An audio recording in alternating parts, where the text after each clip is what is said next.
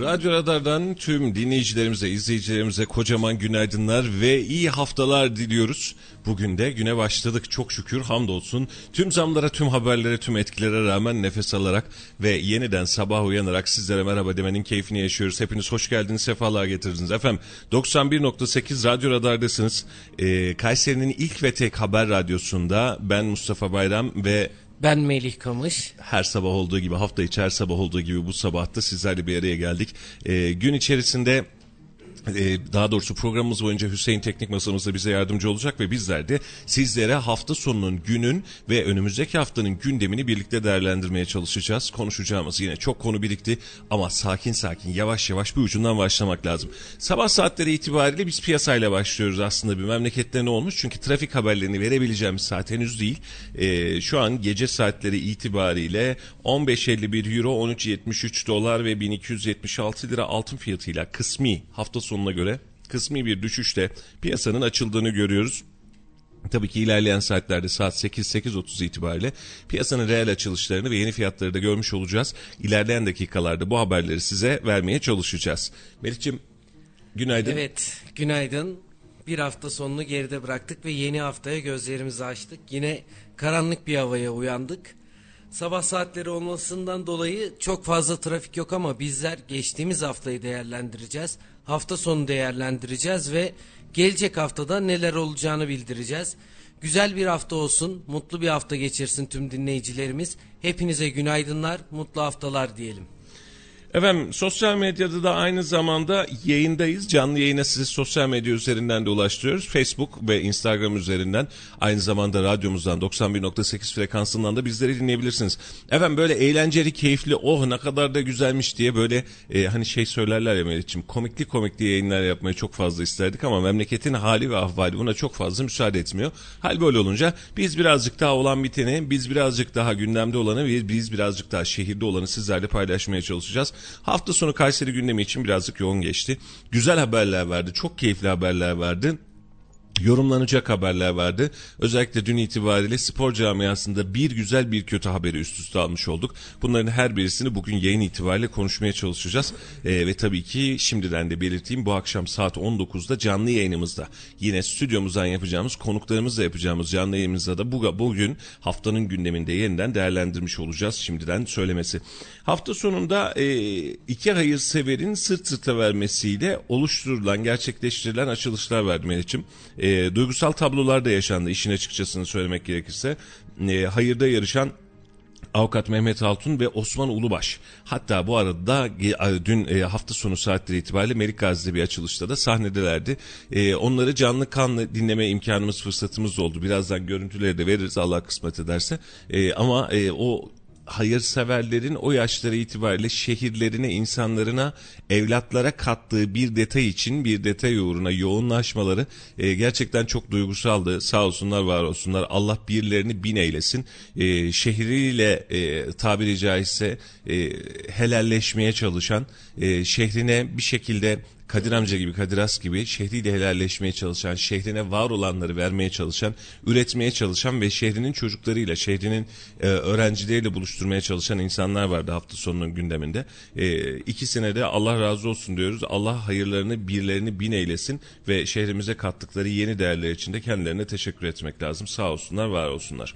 Evet Kayseri dediğimiz zaman hep hayırseverlerle anılan bir şehir aslında. Bu siyasilerin bir söylemi gibi gözükse de hep çıktığı zaman hayırseverler şehri Kayseri'den ziyade gerçekten bizler bunu görebiliyoruz.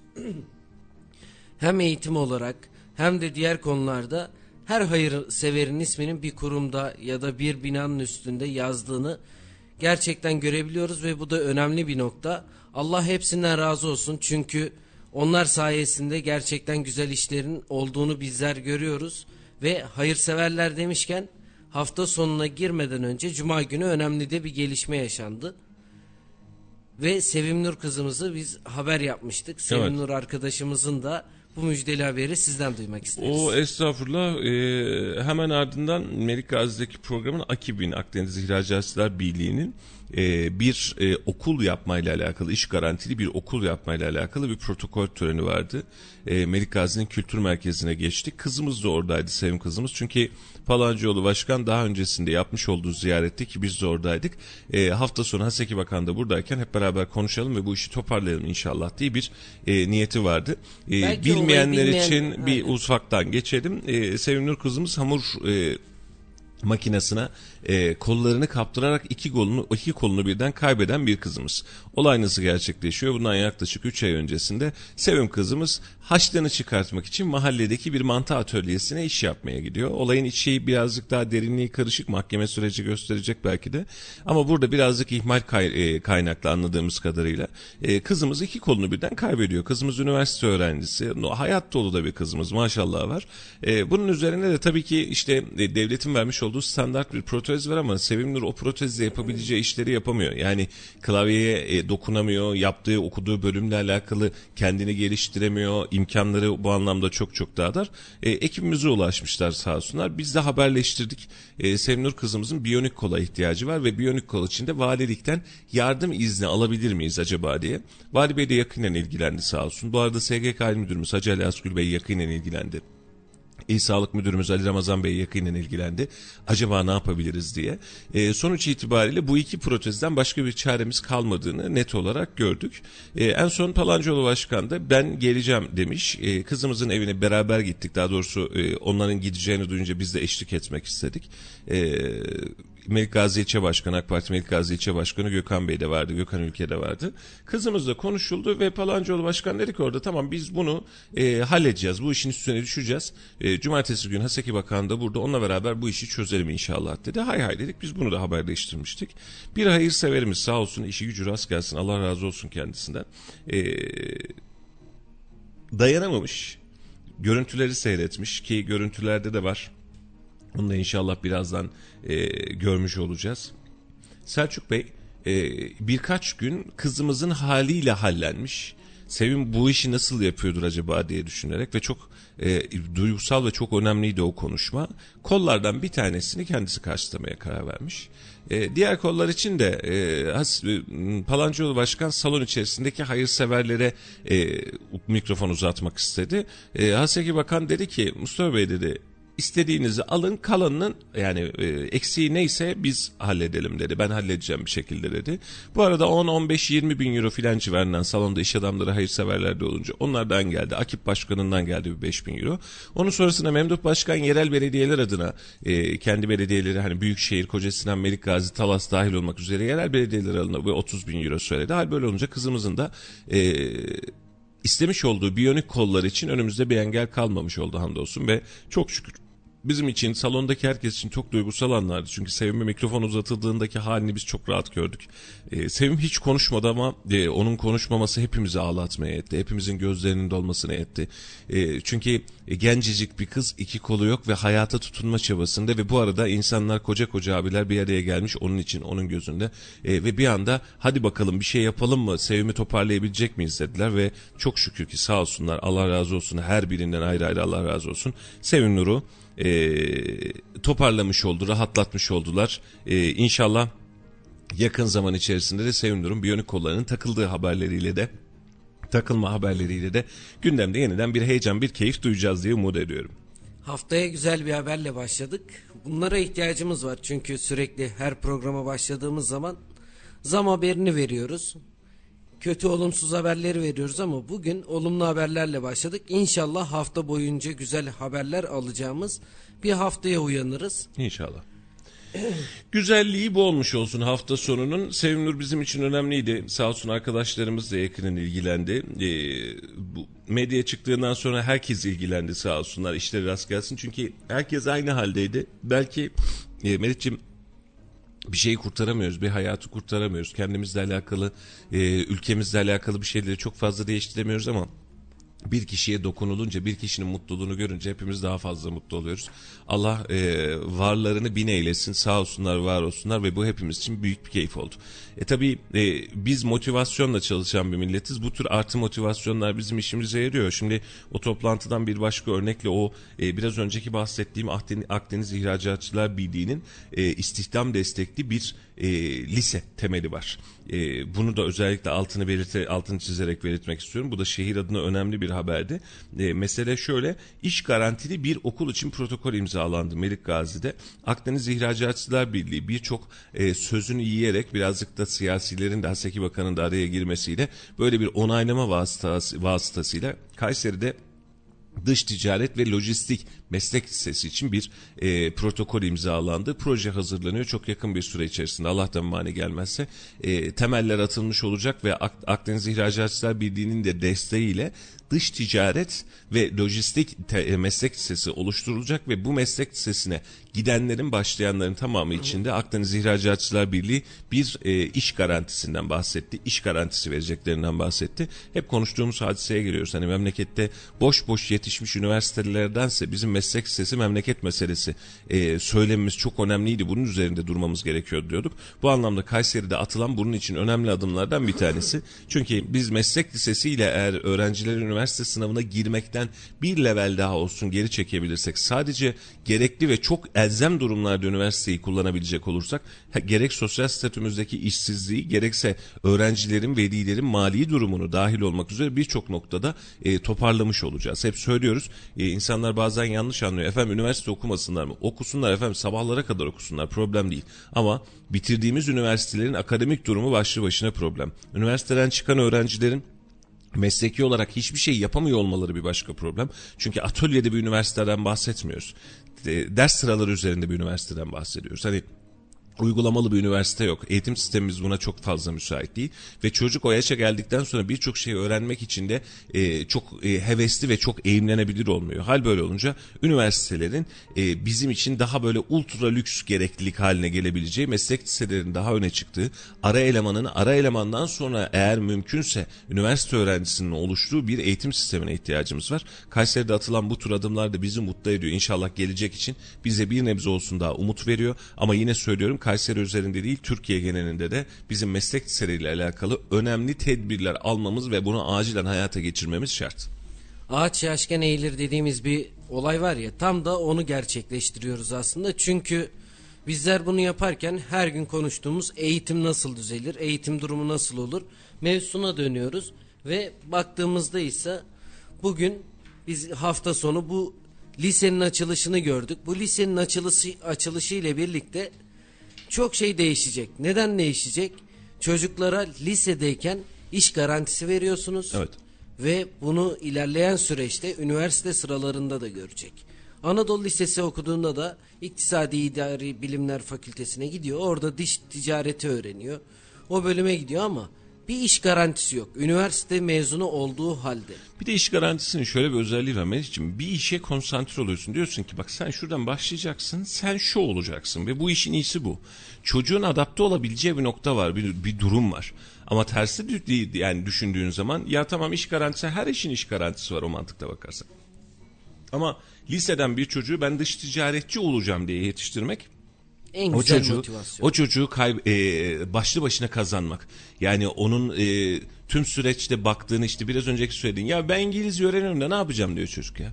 Ben nerede kullanacağım kardeşim İngilizceyi diyor. Bize yıllarca ne söylediler? Oğlum öğren ikinci dil mutlaka ki lazımdır. Kabul mutlaka ki lazım.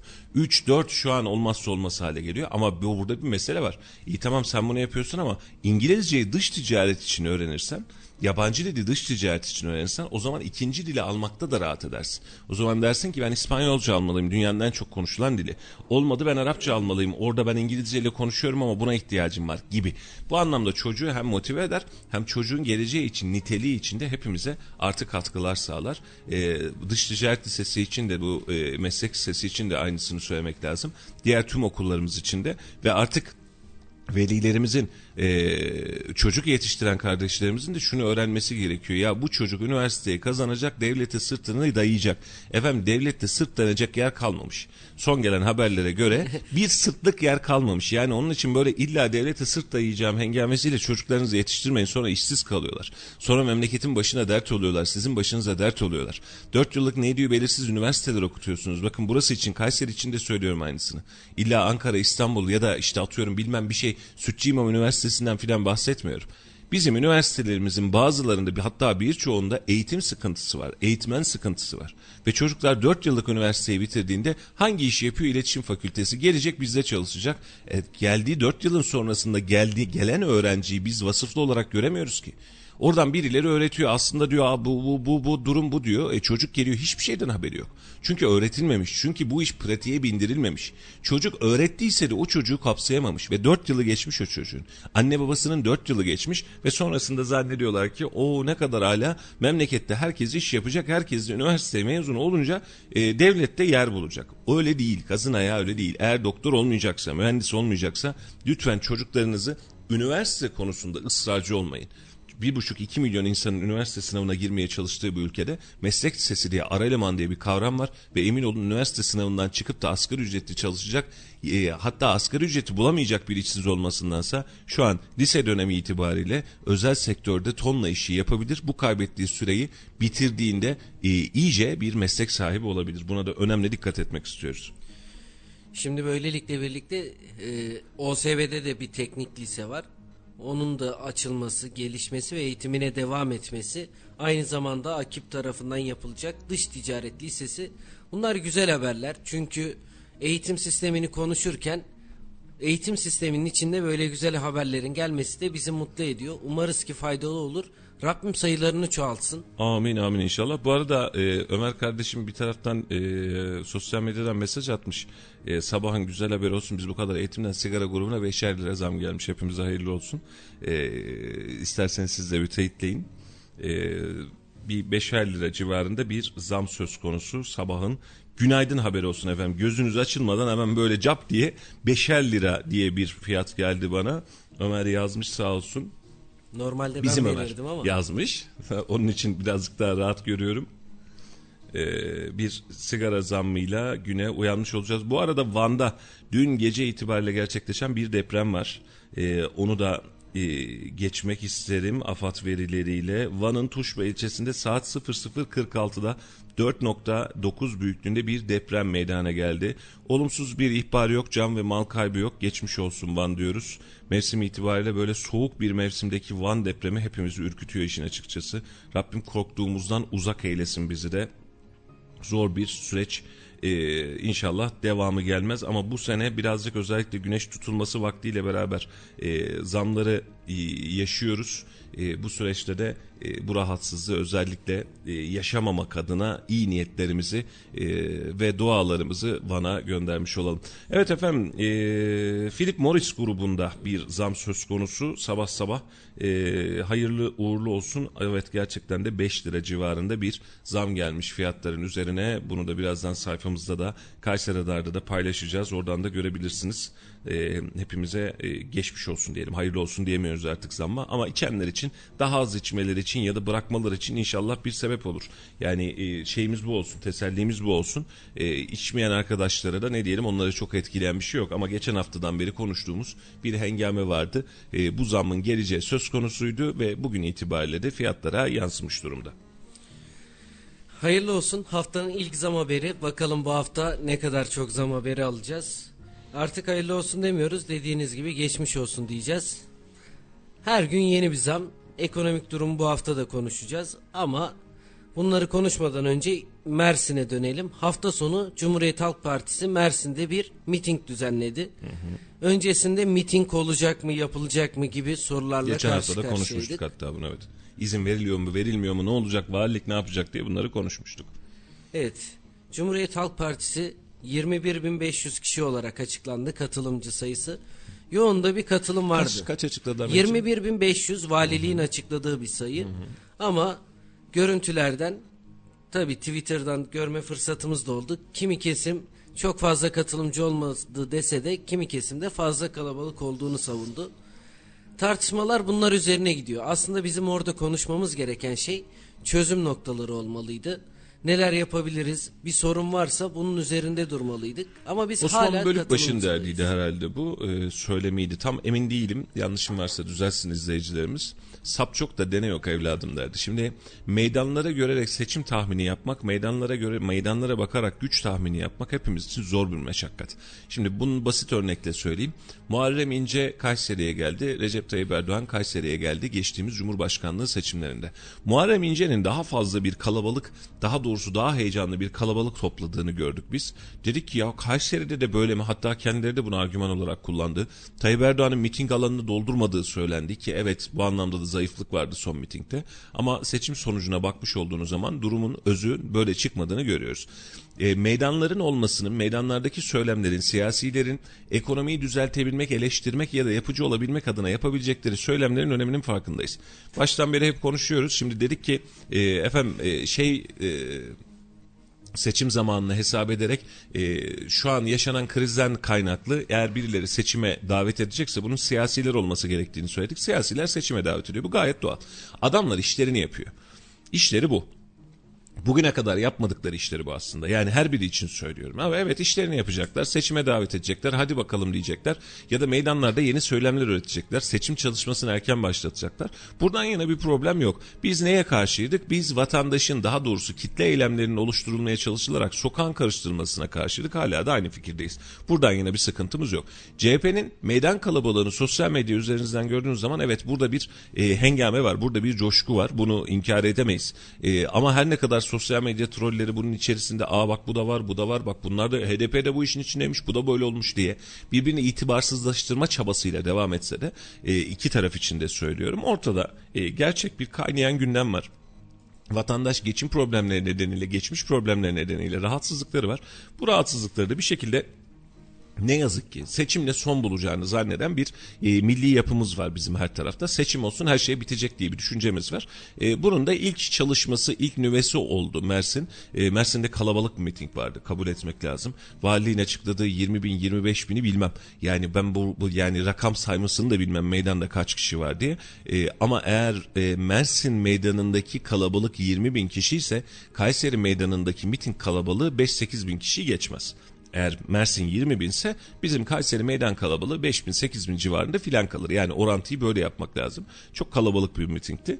Ee, ama dediğim gibi siyasiler her zamanki olduğu gibi işini yapıyor. Aynı saatlerde Tayyip Bey'in bir programı var Siirt'te. Çıkması gereken saati bekliyor. Mitingi seyrediyor. Rakamları geliyor. Arkadaşlar bildirdi böyle böyle diye de bunun açıklamasında zaten kendisi de belli ediyor. Siyaset kızıştı. Siyaset kaynıyor. Ve siyaset önümüzdeki günlerde ekonomik problemlerin aşılmasını ya da aşılamamasına bağlı olmak üzere yönünü, rengini, şeklini belli edecek. Yani bugün cebinizde olan ya da olmayan sigaranıza 5 lira zam geliyorsa şu saat itibariyle e, siz de bir, bir taraftan canınız yanıyor. Yani e, ay ortalaması harcadığınız bedel. Ya içmeyin kardeşim. E, Valla ekonomik olarak kötüleşen toplumlarda bu işin tüketimi daha fazla hale geliyor. Ne yazık ki öyle bir e, durumda söz konusu değil. Sadece sigara mı? Hafta sonunda birçok vatandaşımıza doğalgaz faturaları geldi. Herkesin bir canı acıdı başta ben olmak üzere. Bir ah dedik ne oluyor dedik. Daha kış başlamadı kardeşim kardeşim bu nasıl bir fatura dedik. Sana da geldi herhalde Melih'ciğim. Aynı şekilde bana da geldi. Hayırlı uğurlu olsun. Ee, ne kadar geldi Şimdi, hadi bir öğrenelim. Şimdiye kadar hep biz gördüğümüz tutar en fazla kış çetin kış aylarında gelen tutar 350 liraydı. Evet. Çetin kış, kış aylarında önemli kısım bu. Yani bunu yaparken daha biz kışa başlamadık ve bu ay gelen fatura 436 lira. Yani bunları konuşurken biz geçtiğimiz dönemlerde sanayiye, sanayi doğalgazına gelen yüzde yirmilik zammı konuştuk. Cuma günü. Evet. Ama bu hafta başında konuşuyoruz ki evde kullandığımız yakıta yaklaşık olarak yüzde otuz civarında bir zam gelmiş. Hissedemediğimiz, fark etmediğimiz, açıklanmayan bir zam. Valla e, zam, doğalgaza zam yok. Konutta da zam yok. Yani ama işin söylemi bu. Yani doğalgaza zam yok söylem kardeşim bu. ne yapıyor? Tabii söylem bu. Şimdi suya da zam yok, elektriğe de zam yok ama enflasyon katsayısını biz sürekli olarak zaten bu zamların üzerinde görüyoruz. Fazlasını da ara zamlarla görüyoruz. Yani böyle arada bir e, ani bir fren sesiyle bir irkiliyoruz. Ne oldu diyoruz? Aa yine bize çarpmışlar diyorlar. Yine çarpıyorlar böyle tak bir yüzde yirmi tak bir yüzde otuz geliyor. E, ama dediğim gibi bugün yarın doğalgaz faturalarıyla karşılaşan vatandaşlar Cuma günü itibariyle dağıtımlar başladı. Fatura dağıtımları başladı. Canları yanarak ne yapıyoruz biz diyerek çıkacak. Ben de 426 liralık bir fatura faturayla karşı karşıya kaldım.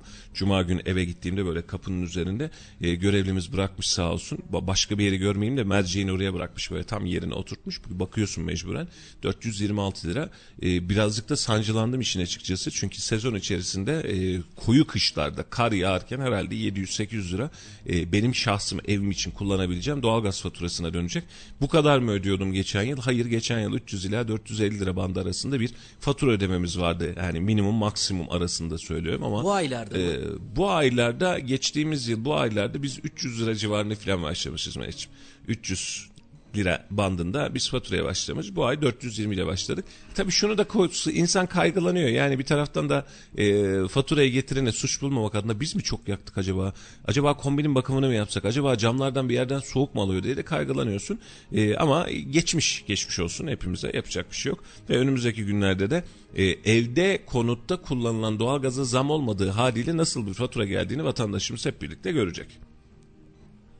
Bizler de takip edeceğiz tabi. Bakalım bunları konuşurken aynı zamanda asgari ücret görüşmeleri de devam ediyor. Asgari ücret görüşmeleri de bu faturaları vesaire konuşurken bizler ne kadar olacağını yaklaşık 7 milyon vatandaş dolaylı olarak da tüm Türkiye gelecek zammı bekliyor aslında.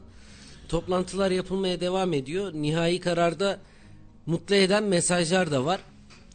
Onlar Şimdi asgari ücret zammı ile alakalı mesajı unutma gelen mesajı ya da hemen söyle ondan sonra geçeyim varsa mesaj. Yok yok buyurun. Peki.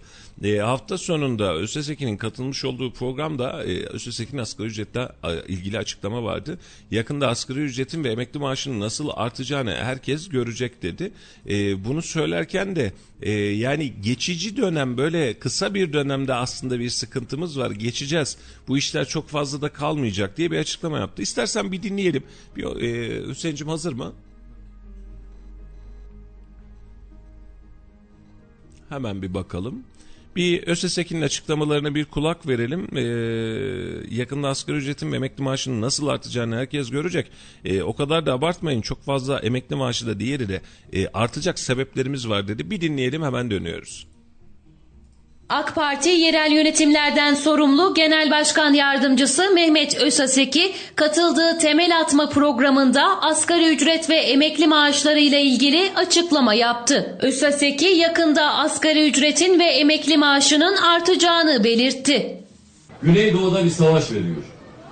Hain satılık uşaklar var orada.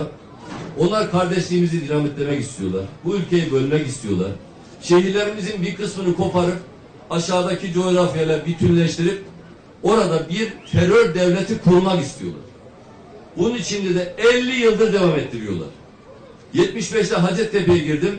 Üniversitemizin duvarında Bıcı Azadi, Kürdara Azadi yazıyordu. 75 yılından bahsediyorum. Bakın. Kolay mı bu mücadeleyi vermek? Hesap etmiş Numan Beygil. Eğer biz orada 50 yıldır savaşmasak şu anda her bir ferdin hesabına devlet 360 bin lira para yatırabilecek durumda olurdu. Ama savaş devam ediyor.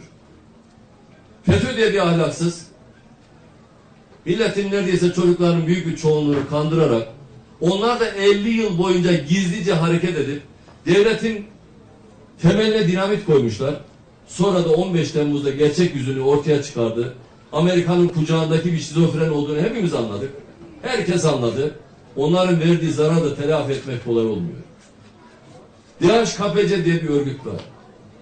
TİKKO diye bir örgüt var. DH diye bir örgüt var. Hepsi her bir taraftan bu milletin bağımsızlığını, bölünmez bütünlüğünü, bu okunan ezanların okunmamasını sağlamak adına yapmadıkları kötülük kalmıyor. Bunlarla mücadele ediliyor. ABD bunlara destek veren ülkelerin başında. Avrupa Birliği ülkeleri devamında. Son beş senedir de bunlar bakıyorlar ki ihtilalle, topla, tüfekle bu millet dize gelmiyor. Şimdi ekonomiyle dize getirmeye çalışıyorlar. Birkaç senedir Türkiye'de yatırım yapmayın. Türkiye sıcak para girişi sağlanmasın. Kredi verilmeyecek diye kendi işlerinde gizli gizli emirler verdiler. Türkiye'de yatırım yapacak iş adamlarına mani oldular. Kredi musluklarını kesmek için ellerinden geleni yaptılar. Ve para oyunlarıyla da bizi dize getirmeye çalışıyorlar. Allah'ın izniyle biz bunların altından kalkarız. Bir taraftan kötülerle mücadele ederiz. Bir taraftan da oynanan boyunları Allah'ın izniyle bozarız. Kimsenin bundan endişesi olmasın.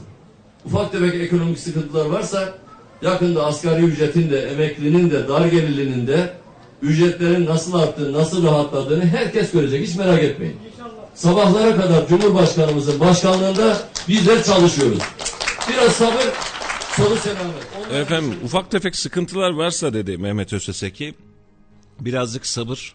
Biz de sabahlara kadar çalışıyoruz. Gerek e, asgari ücrette gerek emekliye olan zamda da bunun acısını çıkartacağız dedi neredeyse. E, biz de bu algıyı ve bu notu bir tarafa yazdık. Şimdi vatandaşın altına gelen yorumlarından baktığımız zaman aslında biraz daha farklı şeyler görüyoruz Meriç'ciğim. E, vatandaş diyor ki %100'e yakın zam gelmiş. %100'ü aşan zam gelmiş. Siz de %100'ü yapın biz de size amenna diyelim. Böyle bir şey yapma şansımız var mı? Ne yazık ki yok. Bundan kaynaklı olarak da evet bir zam furyası var. Sürekli devam eden bir zam akışı var ama asgari ücret asgari ücret elimizdeki son koz asgari ücrette eğer biz vatandaşımızı bu anlamda rahatlatmayacaksak yapabileceğimiz standart beklenebilen zamlarla da çok fazla mutlu etme şansımız kalmayacak. Teknik masam bana şöyle göz atıyor ufak bir reklam girelim diyor. Küçük bir reklam arası yaklaşık bir dakika sürmeden yeniden buradayız. Efendim 91.8 Radyo Radar'dasınız. Canlı yayınımızda hem e, internet üzerinden, Facebook'tan ve Instagram'dan hem de frekanslarınız üzerinden size yayınlarla ulaşmaya devam ediyoruz. Sabahın özetini bir geçelim. Philip Morris grubuna gelen 5 liralık 5 liraya yakın e, kimi yerde 5 lira olan zamla beraber güne uyanmış olduk. Bugün de bir zam haberiyle güne merhaba dedik. Gece yarısı itibariyle Van'da gerçekleşen bir deprem vardı. Van'a geçmiş olsun dileklerimizi iletiyoruz. 4.6 ve çok şükür ki herhangi bir e, ölü, yaralı, mal ve can kaybı söz konusu değil. Geçmiş olsun diyoruz. Önümüzdeki günlerde de özellikle güneş tutulmasının yaşandığı bu şu günlerin akabinde gerçekleşecek dünya üzerindeki e, depremleri daha önceki dönemde tespit etmiştik. Bu dönemde de tespit edeceğiz gibi görünüyor. Yayınımıza mesaj atmak için bize katılmak için gerek WhatsApp'tan gerek DM üzerinden e, gerekse şu an canlı yayın akışı üzerinden bize mesajlar gönderme şansınız var. Bu mesajları da biz bir şekilde okumaya e, sizin söylemlerinizi de yayınımıza taşımaya devam edeceğiz. E, aynı zamanda WhatsApp üzerinden ses sesli ya da e, metinli olarak mesaj gönderme şansınız var bize. 0352 336 25 98 0352 336 25 98 buralardan da bize e, gönderilerinizi iletebilirsiniz. Fikirlerinizi yorumlarınızı iletebilirsiniz. Biz size Kayseri haberlerini yorumlamaya çalışırken. Piyasa özetiyle başlamak istiyorum. E, Meriç'im e, özellikle son günlerde yaşanan e, dolar euro altın artışları derken biz birazcık normalleşiyor muyuz acaba? Dolar birazcık yerinde duracak mı acaba? Merkez Bankası müdahale etti. Ne olacak acaba derken e, gelen rakamların çok da müdahillik olmadığını görmüş oluyoruz. Hüseyin de bakıyor. Hüseyin dolar çok herhalde evde. Yani vaziyet öyle bir rahatlık var. 13.73 şu an itibariyle dolar kuru 15.50 euro kuru 1276 lira ise çeyrek altın fiyatı olarak gözümüzün önünde yer alıyor. Gram altına baktığımız zaman da 789 lira gibi bir fiyatımız var ve bu fiyatların eşiğinde önümüzdeki günlerde gelebilecek zamlara da her birimiz e, yavaş yavaş hazırlıklı hale geliyoruz. Aa, zam gelecekmiş geleceğim normal zam olur olur bu kadar problem değil haline gelmeye başladık. Çünkü zamlar hepimizin hayatını derinen etkiliyor. Hafta sonu konuştuğumuz bir başka önemli gündem maddesi vardı zamla alakalı. Geçen geçtiğimiz haftalarda da konuşmuştuk ekmek fiyatlarına gelmesi beklenen bir zam var.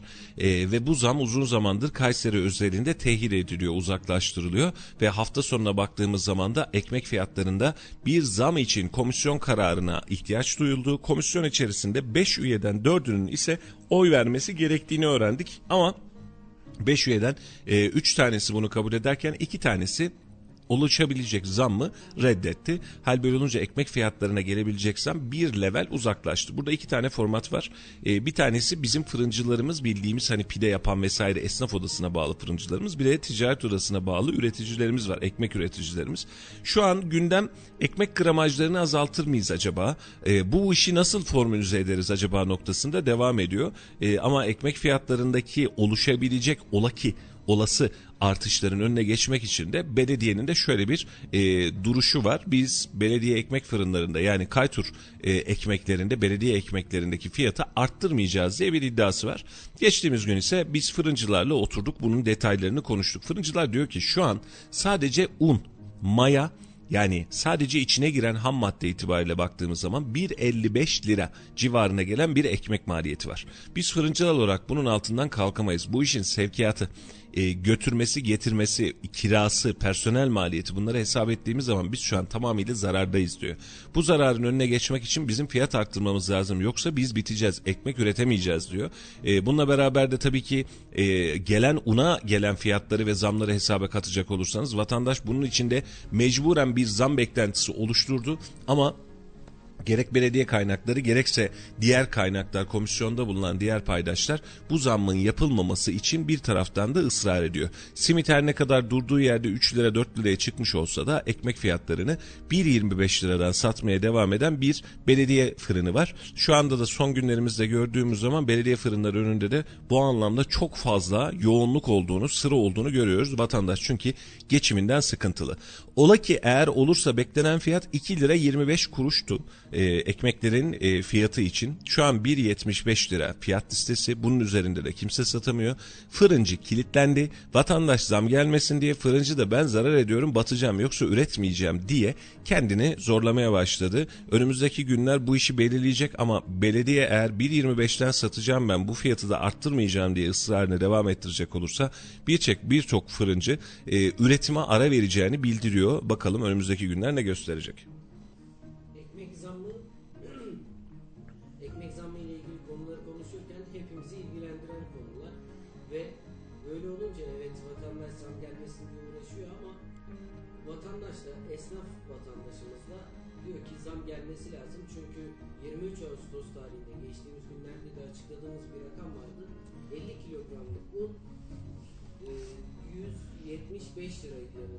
Evet. ve şu an itibariyle baktığımız zaman aynı bu 350 liranın üzerinde bir satışa sunuldu. Bu fiyattan alıyor fırıncılarımız da.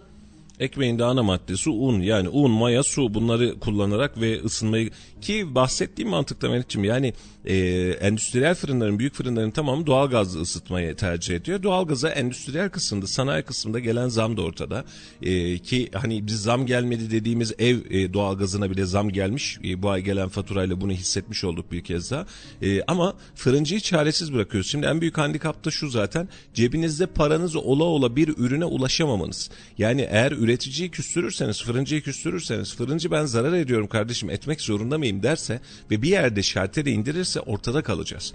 Bunun için bu kısmı iyi değerlendirmek gerekiyor. Ee, tabii ki vatandaş ucuz ekmek yesin, mümkünse bedava yapın, 50 kuruş yapın. Bu anlamda bizim bir sancımız yok. Biz de aynı ekmeği alıyoruz. Fırıncı da değiliz. Ama fırıncıyı da eğer bu anlamda öldürürseniz e, ortaya çıkabilecek sorunla mücadele etmek için tek başına belediye ekmek üretimine devam ettirmek zorunda kalırsınız. E, şu an maliyetleri göz önüne aldığımızda belediye de üretmiş olduğu ekmekten zarar ediyor. Yani sadece ulusal gündemde malzeme olmayalım. Kardeşim ekmeğe de zam gelip vatandaş sıkıntılanmasın diye de belediyenin diğer hizmetlerine kullanabileceğiniz ürünleri de ya da fiyatları da çekmiş oluyorsunuz. Bu da ayrı bir sıkıntı olarak göze çarpıyor. Ama durumun gidişatı ve vehameti çok güzel değil. Önümüzdeki günlerde ani bir un fiyatlarında indirim gerçekleşirse yani yeniden 150, 170, 200 lira civarına düşerse fırıncı da tamam be- benim için sıkıntı yok diyecek ama unun fiyatının, mayanın fiyatının bu kadar arttığı bir yerde ben ekmeğe zam yapmayacağımı inadını etmek birçok fırıncıyı e, yokluğa doğru iteklemek ya da hileye doğru iteklemek anlamına gelecek. Ki her zaman konuştuğumuz konulardan bir tanesi de şu. Zamları konuşuyoruz. Evet gelen zamlar var. Ama ticaret niçin yapılır? Para kazanmak etmek için. için yapılır. Aynen öyle. E bu adam kar edemediği zaman ne yapacak? Maalesef dükkanını kapatmak zorunda kalacak. E bu en büyük yankısı kime olacak? Bizlere olacak. Bunu da düşünmemiz gerekiyor. Çünkü vatandaşı eğer esnafı para kazanamayacak duruma getirirsek bunun zararlısı çıkacak bizleriz. Mesela geçtiğimiz haftalarda bir doktora yapılan zam vardı. 2500 ile 5000 arasında. Dedik teşekkür ettik. Bunu da konuştuk yayınımızda. Ama bunun akabinde sağlık çalışanları bir eyleme gitme kararı aldı. Bugün de sağlık sendikası ile ilgili onun da ismine birazdan bakarım.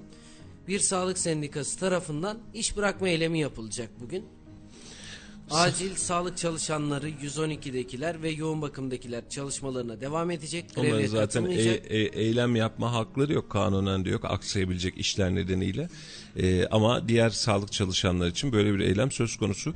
E, haklılar mı Melih'ciğim? Şimdi sosyal medyada son bir haftadır dönüşen e, ben doktorum sağlık çalışana da zam biz de buradayız vesaire gibi bir e, açıklık var. Orada çirkinleşen aslında bir üslup var. Yani doktorum kardeşim ben sen ne karışıyorsun işime diyen bir taraftan da sağlıkçının ya biz de bu kadar hizmet veriyoruz biz neredeyiz denen biz de bu zamdan istiyoruz diyen bir e, tabiri caizse hani kendi içlerinde çatışma haline dönen bir noktası var. E, ama e, toplamda şunu söylemek lazım. E, doktora zam yapılıyorsa sağlık çalışanına da bir belli bir oranda belli bir nispette mecburen zam yapılacak.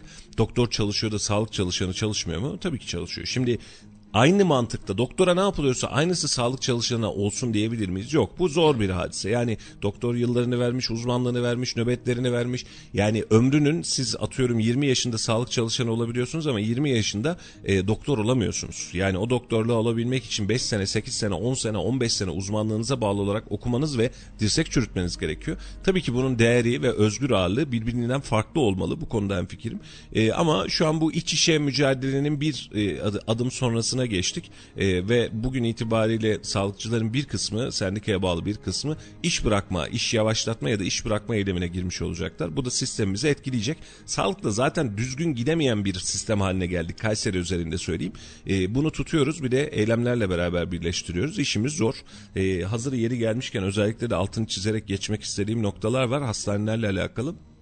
Biliyorsunuz geçtiğimiz haftalarda hastane önünde, devlet hastanesi önünde yaşanan yoğunlukla alakalı bir yayın yapmıştık. Yayınımızda cevabını bulmuştu sağ olsunlar ve bir düzenlemeye getirilmişti. Şu an benzeri sistem ve benzeri yoğunluklar şehir hastanesinde devam ediyor. Saçma bir şekilde devam ediyor Meriç'im. E, hafta sonu bir dostum aradı. E, sağlık çalışanlarıyla da yakın bir dostum aslında. E, ve şikayetlerini dile getirmekten çekinmiyor ve burada da e, problemlerimiz artıyor. Meseleyi şöyle alalım. E, mesela herhangi bir bölümden bahsediyoruz. Misal ortopedi. Ortopedi bölümünde bizim hastanemizin fazla miktarda e, doktoru ve e, asistanı var. Ve şu anda da kadrolu olarak devam ediyor. Ama kapasitesinin neredeyse dörtte biri civarında hizmet veriyor şu an ortopedi bölümü. Bu birçok bölüm için geçerli. E, niye böyle oluyor sorduğumuz zaman e, diyor ki yani devletten şu an pandemi nedeniyle SGK'dan gelebilecek paralar zaten fazlasıyla var. Yoğun miktarda geliyor. Ve bundan dolayı da doktorlar çok fazla hani ya çalışsak mı çalışmasak mı? Hastane yönetimi de aynı mantığa girmiş. Yani ya tamam çalışmasak da oluyor çünkü ekonomik anlamda size bir yansıması olmuyor. Para var, huzur var, saadet var. Kısaca şöyle bir sürü doktorunuz var ama çalışmadan buradan maaş almaya devam edebiliyorlar. Niçin? Sistemi rahatlatmak adına, kendilerini rahatlatmak adına. Peki bu arada hasta ne yapıyor? Hasta dışarıda çözüm arıyor. Hasta dışarıda bir şekilde e, hastalığının çözümünü arıyor. Bizim en büyük hasta hasta kaynağımız yani e, hasta çözüm kaynağımız şehir hastanesi. Yani en kocaman da orası zaten onun olması gerekiyor. Pandemi bölümüne bakıyorsun. Pandemide şu an 300 civarında hasta var yatan Meriç'im. 300 tane hasta pandemi nedeniyle yatıyor. Yani bu hastanenin bir bloğu yapmıyor. Önceden hatırlıyorsun yoğun dönemlerde 2 blok, 3 blok, 4 blok kapatıldığı zamanlar vardı pandeminin. 1000-1200 hastaya ulaştığı zamanlar vardı pandeminin yoğun döneminde. Şu an 300 tane yatan hasta var pandemide. Yani Covid olmuş. Covid nedeniyle 300 kişi hastanede yatıyor. 300 civarında kişi hastanede yatıyor. Peki hastanenin diğer kalan kısmı Covid rahatlığında. Hizmet etmemek için adeta frene basıyor. Ve bu hepimize hastanelere ve hastalara doğrudan e, sıkıntı olarak dönüyor. Hastalar randevu alamıyor. Hastalar gittiği zaman cevap alamıyor. Bu yetmiyor. Şimdi burayı siz sıkıştırdığınız zaman, şehir hastanesini sıkıştırdığınız zaman, daha doğrusu hizmet veremez hale getirdiğiniz zaman kime yarıyor? Hastasın Meriç'ciğim öksürmeye başlıyorsun ya da karnın ağrıyor. Ne yapacaksın? Aman boş ver. Hastane randevu versin ben bir ay sonra mı giderim diyeceksin. Hastasın abi canınla uğraşıyorsun. Ne yapıyorsun? Özel hastanelere gidiyorsun. Özel hastanelere gidip başvuruyorsun. Şehir hastanesi hasta sayısını ne kadar azaltırsa özel hastaneler bir bu kadar fazla hasta tedavi etmeye başlıyor. Ya da en kötümser ihtimalle parası olmayan hastalar için devlet hastanesi önünde kuyruklar oluşmaya başlıyor. Ve açık söylüyorum yani şehir hastanesindeki kalıcı problemi, kalıcı hale gelen problemi birilerinin çözmesi lazım. Bir zahmet.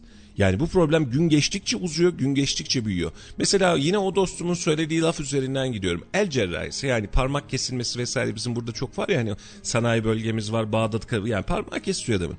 Beş tane el cerrahımız varmış bizim burada ve şu an hiçbiri hareket etmiyor hiçbirine iş yaptırılmıyor çeşitli sebeplerden dolayı. Herhangi bir vatandaşımızın eğer eli kolu kesilirse, eli kesilirse, parmakları kesilirse Allah göstermesin. Özel hastaneden başka şansı yok. Özel hastanede bunun rakamı 30 ile 60 bin lira arasında değişiyor. Düşünsene yani sen organizede işçisin. Yani aldığın para belli. E, elin kesiliyor, parmağın kesiliyor. Senin hatan ya da işverenin hatası problem değil. Parmağın kesiliyor, hastaneye gidiyorsun. İşte e, 50 bin lira verirseniz yapalım diyorlar. E var bizim burada şehir hastanemiz var. Yapabilecek bir hastanemiz var. Yapabilecek cerrahlarımız var. Biz ne yapmıyoruz burada? Özel hastaneye mecbur muyuz? Mahkum muyuz? Şimdi geçtiğimiz hafta yaptığımız yayının üzerinden bir kez daha tekrar da gidiyorum. Özel hastanelere yansıması kimin işine geliyor? Bir. Bu işine gelme sürecini kim organize ediyor? Ve açık söylemek gerekirse bu yeni yönetimi, yeni başhekimin referansı kim? Yani bu başhekimi kimler e, bir şekilde modifiye etti? Buraya doğru sistemle etti. De şu an baktığımız zaman şehir hastanesinde siz daha fazla, daha az hasta aldınız diye şehir hastanesi zarar etmiyor belki. Ama e, hastanın kendisi zarar ediyor bedavaya yaptırabileceği, devlet garantisiyle yaptırabileceği bir işi gidiyor özel sektörde 5 bine, 10 bine, 50 bine, 100 bine e, kendi cebinden ödeyerek halletmeye çalışıyor. Bu da hepimizin sorunu olarak karşımıza çıkıyor. Yine açıkça söylüyorum bizim sağlık sistemimiz kuruluş itibariyle, kurumsallık itibariyle tüm memleketi yetebilecek kadar nitelikli, değerli ama gelin görün ki yönetenler sayesinde biz bu sistemin içerisinden çıkamaz hale geldik. Ve buradaki hasta sayısının doktorumuz olmasına rağmen yani elimizde doktor var düşünsene. Yani o operasyonu yapabilecek, o tedaviyi yapabilecek, gelen hastaların fazlasını karşılayabilecek doktorumuz var, hemşiremiz var, sağlıkçımız var. Ama üzerine diyoruz ki siz çalışmayın, siz daha az çalışın. Sebep? Bunu kim bu hale getiriyor? Bu işe bulaşan siyasi. Peki o siyasinin uzantısı nere? O siyasinin uzantısı özel hastane yapmayın. Bu kadar da göz göre göre devletin var olan sağlık sistemini mahvetmek adına, kazanç elde etmek adına, cebinize para sokmak adına bu işi yapmayın. Ve açık söylüyorum bu emirleri kim tutuyorsa bunların referansı kim, bunları buraya kim yerleştirdi, ne ara yerleşti, niye yerleşti otursun herkes bir şapkasını önüne koysun. Vatandaş dışarıda sağlık için sıra beklerken ya ben şehir hastanesinden sıralamıyorum, fakülteden parasız yapmıyorlar ya da çok uzun zaman atıyorlar. Benim sağlığımı çözmem lazım diyerek özel hastanelere gidip sırtını dayamak harcamak zorunda kalıyorsa e, ve ciddi anlamda cebinde olmayan parayı vermek zorunda kalıyorsa otursunlar bu sistemi bunun e, bu hale getirenin kim olduğuna bir beraber baksınlar. E, burada e, yetkililere seslenmek istiyoruz ama akşamki yayınımızda da bunu birazcık daha açarak konuşmaya oluşturmaya çalışacağım. Memlekette var olan e, bir sağlık sistemi vardı. Bizim gurur duyduğumuz, hükümetin oluşturduğu ve gurur duyduğumuz bir sağlık sistemi vardı. Ve bu sağlık sistemini bu hale getirerek e, ne yazık ki hepimizi e, özel hastaneye, muayenehaneye mecbur bıraktınız. Şimdi Esra Hanım yazmış mesela özelden ya da özel muayene yerlerine çağırıyorlar demiş. Evet aynen Esra Hanım. Yani özellikle fakülte hastanesinde bunu çok fazla yaşıyoruz. Ee, sancı yaşıyoruz, sancı yaşamaya devam ediyoruz ve kendi devletimizin bizim sigorta paralarımızla SGK'ya ödediğimiz paralarca yıllardır ayakta tutmaya çalıştığımız sağlık sistemini ya bak ne kadar güzel oldu artık kocaman hastanelerimiz var dediğimiz sağlık sistemini ne yazık ki birkaç tane iş bilmezin elinde özel özel hastanelere destek olsun kıvamına getirerek e, vatandaşımızı sokakta bırakıyoruz. Vatandaşımızı hastalığa e, karşı savunmasız hale getiriyoruz ve hastalığını tedavi etmiyoruz. E, bu, bunu birilerinin çözmesi gerekecek ama biz de bunu derinlemesine incelemeye ve derinlemesine de yazmaya da devam edeceğiz. Konuşmaya da devam edeceğiz. Çünkü e, vatandaş dışarıda sağlığıyla uğraşırken e, siz tutup da rahat rahat orada saçınızı tarayamazsınız sevgili yöneticiler. E, sevgili siyasiler. Vatandaş sizin oluşturduğunuz sağlık sistemi için size dua eder ederken vakti zamanında bunun için size oy vermişken hastanelerin önünde sıra beklemiyoruz diye bak eski günler kalmadı diye bunu her yerde her meydanda söylerken dönüp ondan sonrasında hastanelerin önünde sıra oluşturmayı hastanelerde hasta almıyoruz demeyi ve hastaneleri parasıyla özel hastaneye mahkum etmeyi size yakıştırmıyoruz yakıştıramıyoruz. Bunu e, iş, baştan sona takipçisi olacağız. Cumhurbaşkanlığı nezdine kadar dahil olmak üzere bunu ulaştıracağız. Yapmış olduğunuz sistemin saçmalığı benim vatandaşıma, anneme, babama, kardeşime, e, sokaktaki komşuma e, nüfuz ediyor ve sizin oluşturmadığınız, sizin beceriksizliğinize ait sağlık sistemi sayesinde biz özel sektördeki sağlık sistemine mahkum kalıyoruz. Evet, sağlık sisteminde şehir hastanesindeki durumu değerlendirirken aynı zamanda asgari ücretli çalışan bir adam. Organize sanayi bölgesinde çalışıyor ve dört tane çocuğu olsa ağır geçirdiği zaman özel hastaneye gittiğinde minimum vereceği tutar 200-250 lira. En az. İster Aynen. istemez yani bu hastanenin fiyatlarını konuşmuyoruz ama ve ayda bir kere hastalansa yaklaşık bin lira. Adamın aldığı tutar belli. Şehir hastanesine gittiği zaman nasıl tedavi olunduğunu da biliyor. Biz bunların açılışında da konuştuk şehir hastanelerinin. Gittiğimiz zaman ben de şaşırdım yani. Geliyorsunuz hoş geldiniz diyorlar. Giriyorsunuz. Özel hastaneden daha lüks, daha Emin nitelikli olun bir daha hastane lüks. oluşturuldu Melih. Yani bu hep konuşuyoruz bunu ama mesele şu, terbiyesizlik şu, ahlaksızlık şu. Şimdi sen devlet imkanlarıyla ihaleli ihalesiz fark etmez. Devletin gücüyle imkanıyla bir sistem oluşturmuşsun. Sonra bu sistemi özel sektöre bağımlı bir alçak yüzünden yani e, sistemin vidasını açıyorsun ki öbür tarafa daha fazla su gitsin diye. Böyle bir mantık olabilir mi ya? Yani sen devletin imkanlarını kendine ya da birilerine peşkeş çekmek için ne kadar çaba sarf edebilirsin? Bak sağlık çalışanlarına zamdan bahsediyoruz değil mi? Zam alsınlar. Bence de alsınlar kardeşim. Doktor zam da alsın. Ki özel muayenehanesine çağırmasın. Bıçak parası istemesin. Verebileceğinin en iyisini ver ve vatandaşa bunu nüfuz etmesin. Ben de senden fikrim. Sağlık çalışanları zam mı alsın? Hem doktoru hem çalışanı zam alsın. Ama sen sağlık çalışanlarına zam verirken şu an hastanede yattığı yerden hani hareket etmeden koşmadan, uğraşmadan maaş alan doktor var. Sebep ne? Yönetim zafiyeti. Yani ya tamam sen çalışma diyor ya biz 12 poliklinik açabiliriz burada hani daha fazla hastaya hitap edip gerek yok 4 tane poliklinik açın diyor. Sebep sen bu hastaya maaş mı vermiyorsun? Hangisi derdimiz? Ve bu ahlaksızlık yüzünden bizim hastamız aynen dediğin gibi asgari ücretli adam. Ya zaten adam geçinemiyor kardeşim.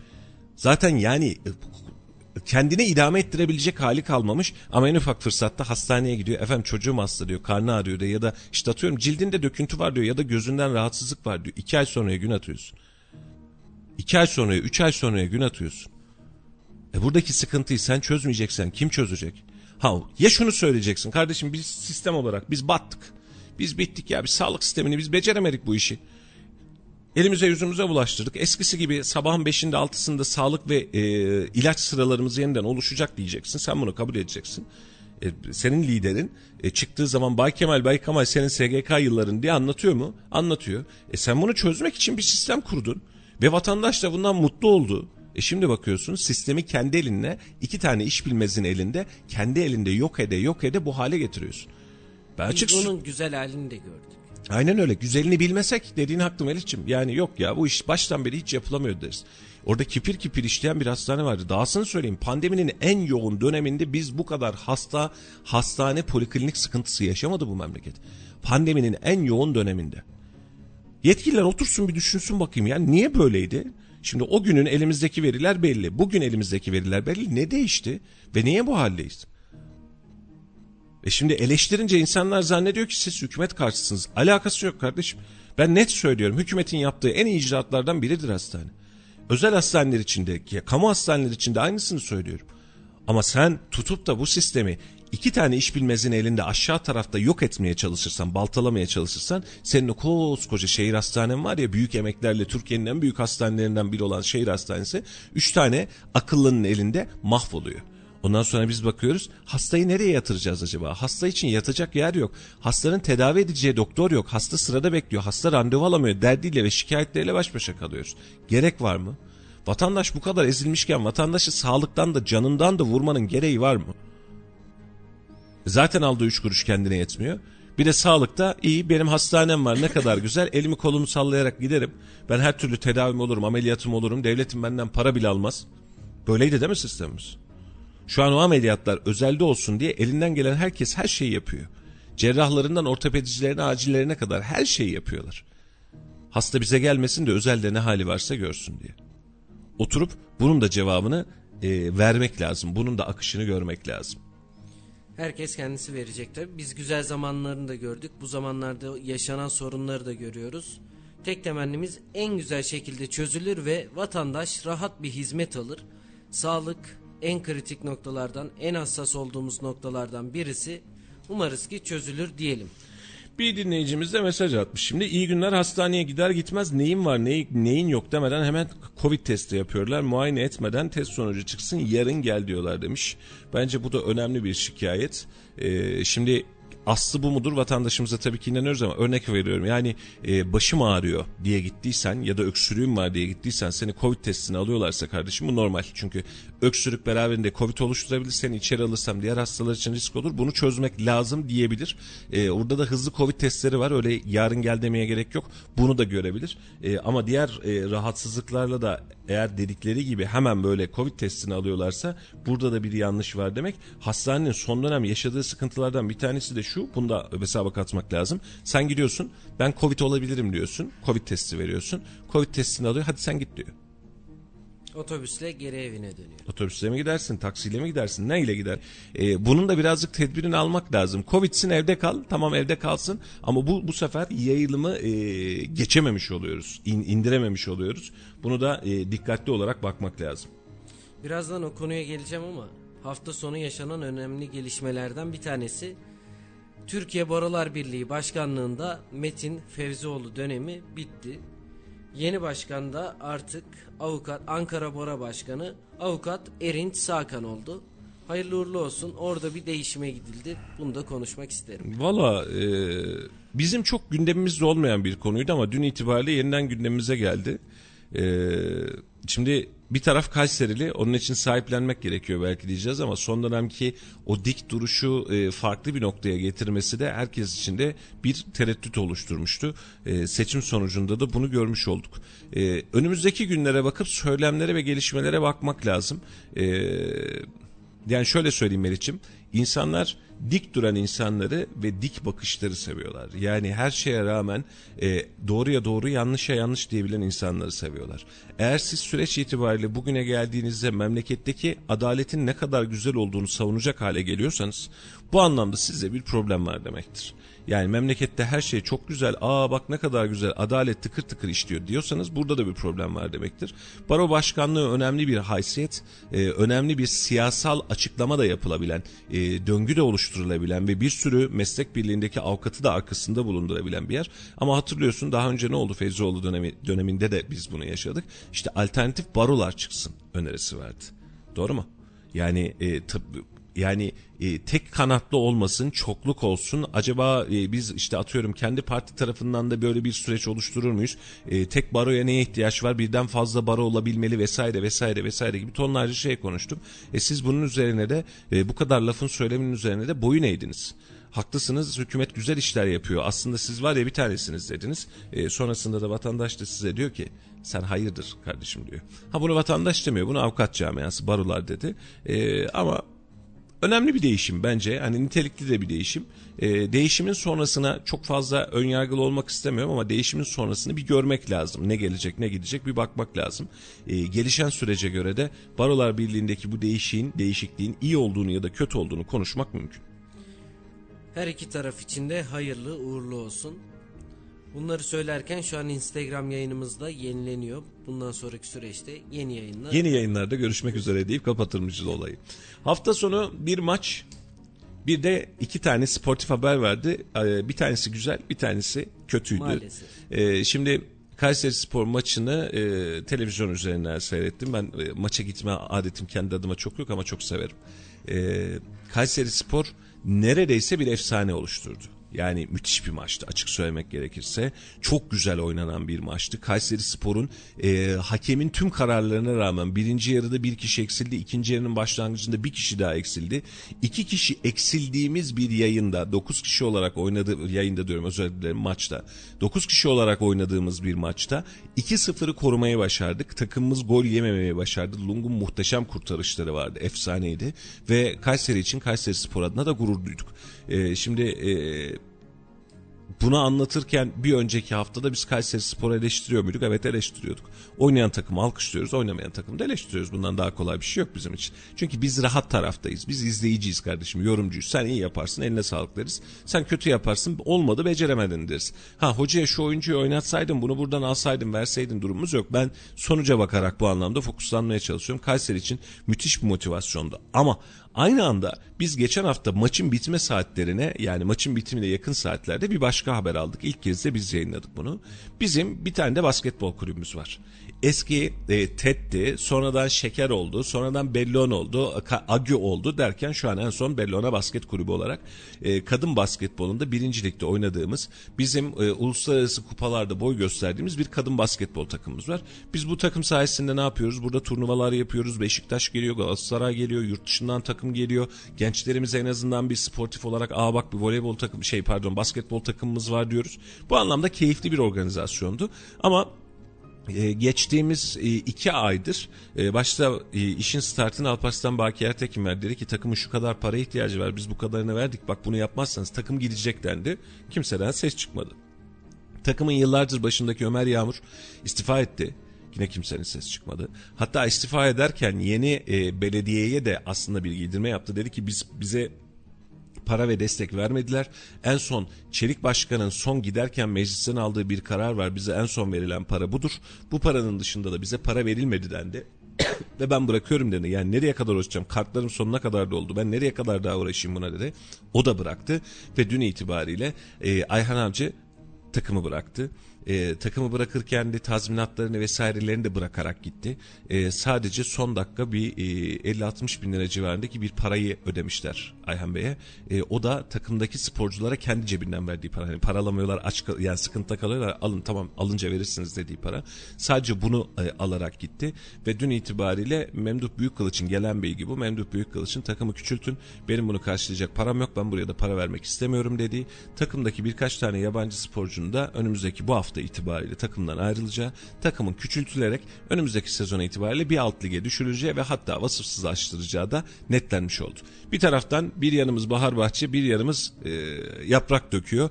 E, bir taraftan bakıyorsun Kayseri Spor'la alakalı o ne kadar güzel oldu diyorsun. Ama e, Bellona Basket'e bizim tek basket takımımıza, kadın basket takımımıza baktığımız zaman da artık ligde tutulmayacak, ligde var olmayacak ve ben buradayım demeyecek bir basketbol takımımız da olmuş oldu. Bu da şehrimizin kaybı olarak e, notlarımıza günün notuna geçmiş oldu. Bence önemli bir gelişme. Bu kadar son zamanlarda konuştuğumuz önemli hadiselerden birisi spor, bilim. Bunlara bizim sahip çıkmamız gerekiyor ve çok da iyi yerdeydi aslında kadın basketbol takımı. Euroliglere gitti, Süper Lig'de oynuyor ve bunu yaparken bu aşamaya gelinmesi çok üzücü. İlk haberi Şimdi buna şu anlamda katılıyorum Meriç'im. Ee, şehrin parası yok ya da bizim buna verecek paramız yok deyip bunları kesebilirsiniz. Bu bir yaklaşımdır, yönetimsel yaklaşımdır, saygı duyarım. Ama siz bunu yaparken kendinizden eksiltebileceğiniz yerler olmasına rağmen eksiltmeye, eksiltmeyip e, bu hale getirince e, durumu yani başka yerlere külfen külfen veriyorsunuz ama böyle bir sportif organizasyona gelince aa durum öyle olmamış hale geliyor. Bunun için aradaki dengeyi iyi tutmak lazım. Şimdi e, bir son dakika gelişmesi var. Sigaraya zam geldi mi zam geldi mi diye yazarken biz de aslında sosyal medya üzerinden Twitter üzerinden sigaraya zam olarak haberi geçmiştik. Ama şu an bir gelen bilgilere göre esnafa gelen henüz bir liste yok. Yani vatandaş elinde bir liste geziyor ama listelerin sahte olduğu da söyleniyormuş. Listeler esnaftan gelmemiş sigaraya zam gelmemiş olabilir deniliyor. Bakacağız bakalım. Ee, yani e, sigaraya zam geldi mi gelmedi mi e, valla zor görüyoruz. Bizim arkadaşlarımız bir kontrol etsinler. Onun için de zaten sayfaya geçmemişler şu dakika itibariyle. Sigara zammında 5 lira zam geldi diye Twitter'da gezen bir gündem var. Hatta liste var. E, ama e, henüz e, şeye ulaşmamış. E, satıcılara ulaşmamış, kesinlik kazanmamış. 6 Aralık tarihi itibarinden geçerli diye ge- geçen bir liste var. Ama e, bu liste henüz geçerliliğini sağlamamış gibi görünüyor. Sağlatmamış da olabilirler. Bu da bir ihtimal. Yani şöyle he- henüz bir durum bakalım demiş de olabilirler. E, gündem böyle hafif bir boşa düştü. Yani henüz gerçekleşen, resmileşen zam yok. Eski fiyattan girip sigaranızı henüz alabiliyorsunuz görülen itibariyle. Şu an bu zamları konuşurken tabii çok manipülasyonlar da oluyor ve özellikle Twitter'da bunun etkilerini görebiliyoruz. 6 Aralık itibarıyla sigaraya Philip Morris grubuna 6 liralık bir zam geleceği söylenmişti. Sabah saatlerini aktarmıştık. Bizler de netlik kazandırmaya çalışıyoruz. Kazandırdıktan sonra da aktaracağız. Evet, spordan konuşurken e, şu olaya yani spor olayına, basketbol olayına bir de şöyle bakabiliriz. Evet, önemli bir takım ve doğru kararlar almak gerekiyor bazen. Sadece başkanın da değişmesi de değil. Belediyeden gelecek destek de değil aslında. Böyle önemli bir takım kendi çekip çevirebilir. Sporda çok fazla öyle olmuyor Melih'ciğim o işler. Ee, yani keşke öyle olmuş olsa ama e, sportif tarafa geçince e, böyle yoğun coşkuyla aa deli gibi para kazandık bak ne güzel gidiyormuş şey olmuyor. Aslında bunun gitmesi için uyarlanan bir altyapı var ama gerek maliyetler gerek maliyet düzenlemesi gerekse yurt dışından getirilen sporcular ve sporcu maliyetleri bu işi açıyor. E, bir de kulüp yönetiminde bize şirketleşme vasfı yok Türkiye'de. E, Avrupa bunu başardı. Bizde hala dernek vakıf statüsünde bir Demek e, istediğim tam da Aynen. E, bunun için mali denge, kar ettik, zarar ettik, daha iyi para kazanabilir miyiz, ürün satabilir miyiz, bu şirketi nasıl geliştirebiliriz hengamesi yok. Ortada bir kulüp var elden ele geziyor. Şimdi e, basketbol kulübü için de aynısı geçerli. Ted'in de oradan oraya geçti, oradan oraya geçti, oradan oraya geçti. Her yerde e, şey var. Sen söyle. Sıkıntı var. Yani sıkıntı derken e, kulüp elden ele geziyor, para elden ele geziyor, mali durum ve açıklama yok. Şimdi Kayseri Spor için de aynısını söylemek mümkün. Kayseri Spor ilk kez yönetimi devredeceği zaman 30-40 milyon borçtan bahsediliyordu. Başka bir yönetim geldi ya 100 küsür milyonmuş ne yapacağız dedi. Başka bir yönetim geldi 300 milyonmuş dedi. En son yönetim alırken 400 milyon civarında borç var dendi. Şimdi Berna Hanım aldı ve ciddi anlamda cebinden bir para koyarak ortaya çıkarttı işi. Şimdi biz zannediyoruz ki tabii Berna Hanım'ın bu anlamda vakfi destekleri de var. Yani benden olsun dediği destekler de vardır hiç itirazım yok. E, ama biz şu an itibariyle Kayseri Spor'un mali bilançosunu görmekten uzağız. Tamam borcumuz vardı da bizim kime vardı kardeşim borcumuz? Kimden ne almıştık? Kime ne vereceğiz? Şimdi diyoruz ki Kayseri Spor'un borcu bitti mi? Şu an eğer biz Berna Hanım'a borçlanıyorsak sadece sürdürülebilir hale geliyoruz doğru mu? Ama ekonomik olarak biz sürdürülebilir hale gelip borcu küçültebiliyorsak o zaman yaptığımız için bir anlamı var.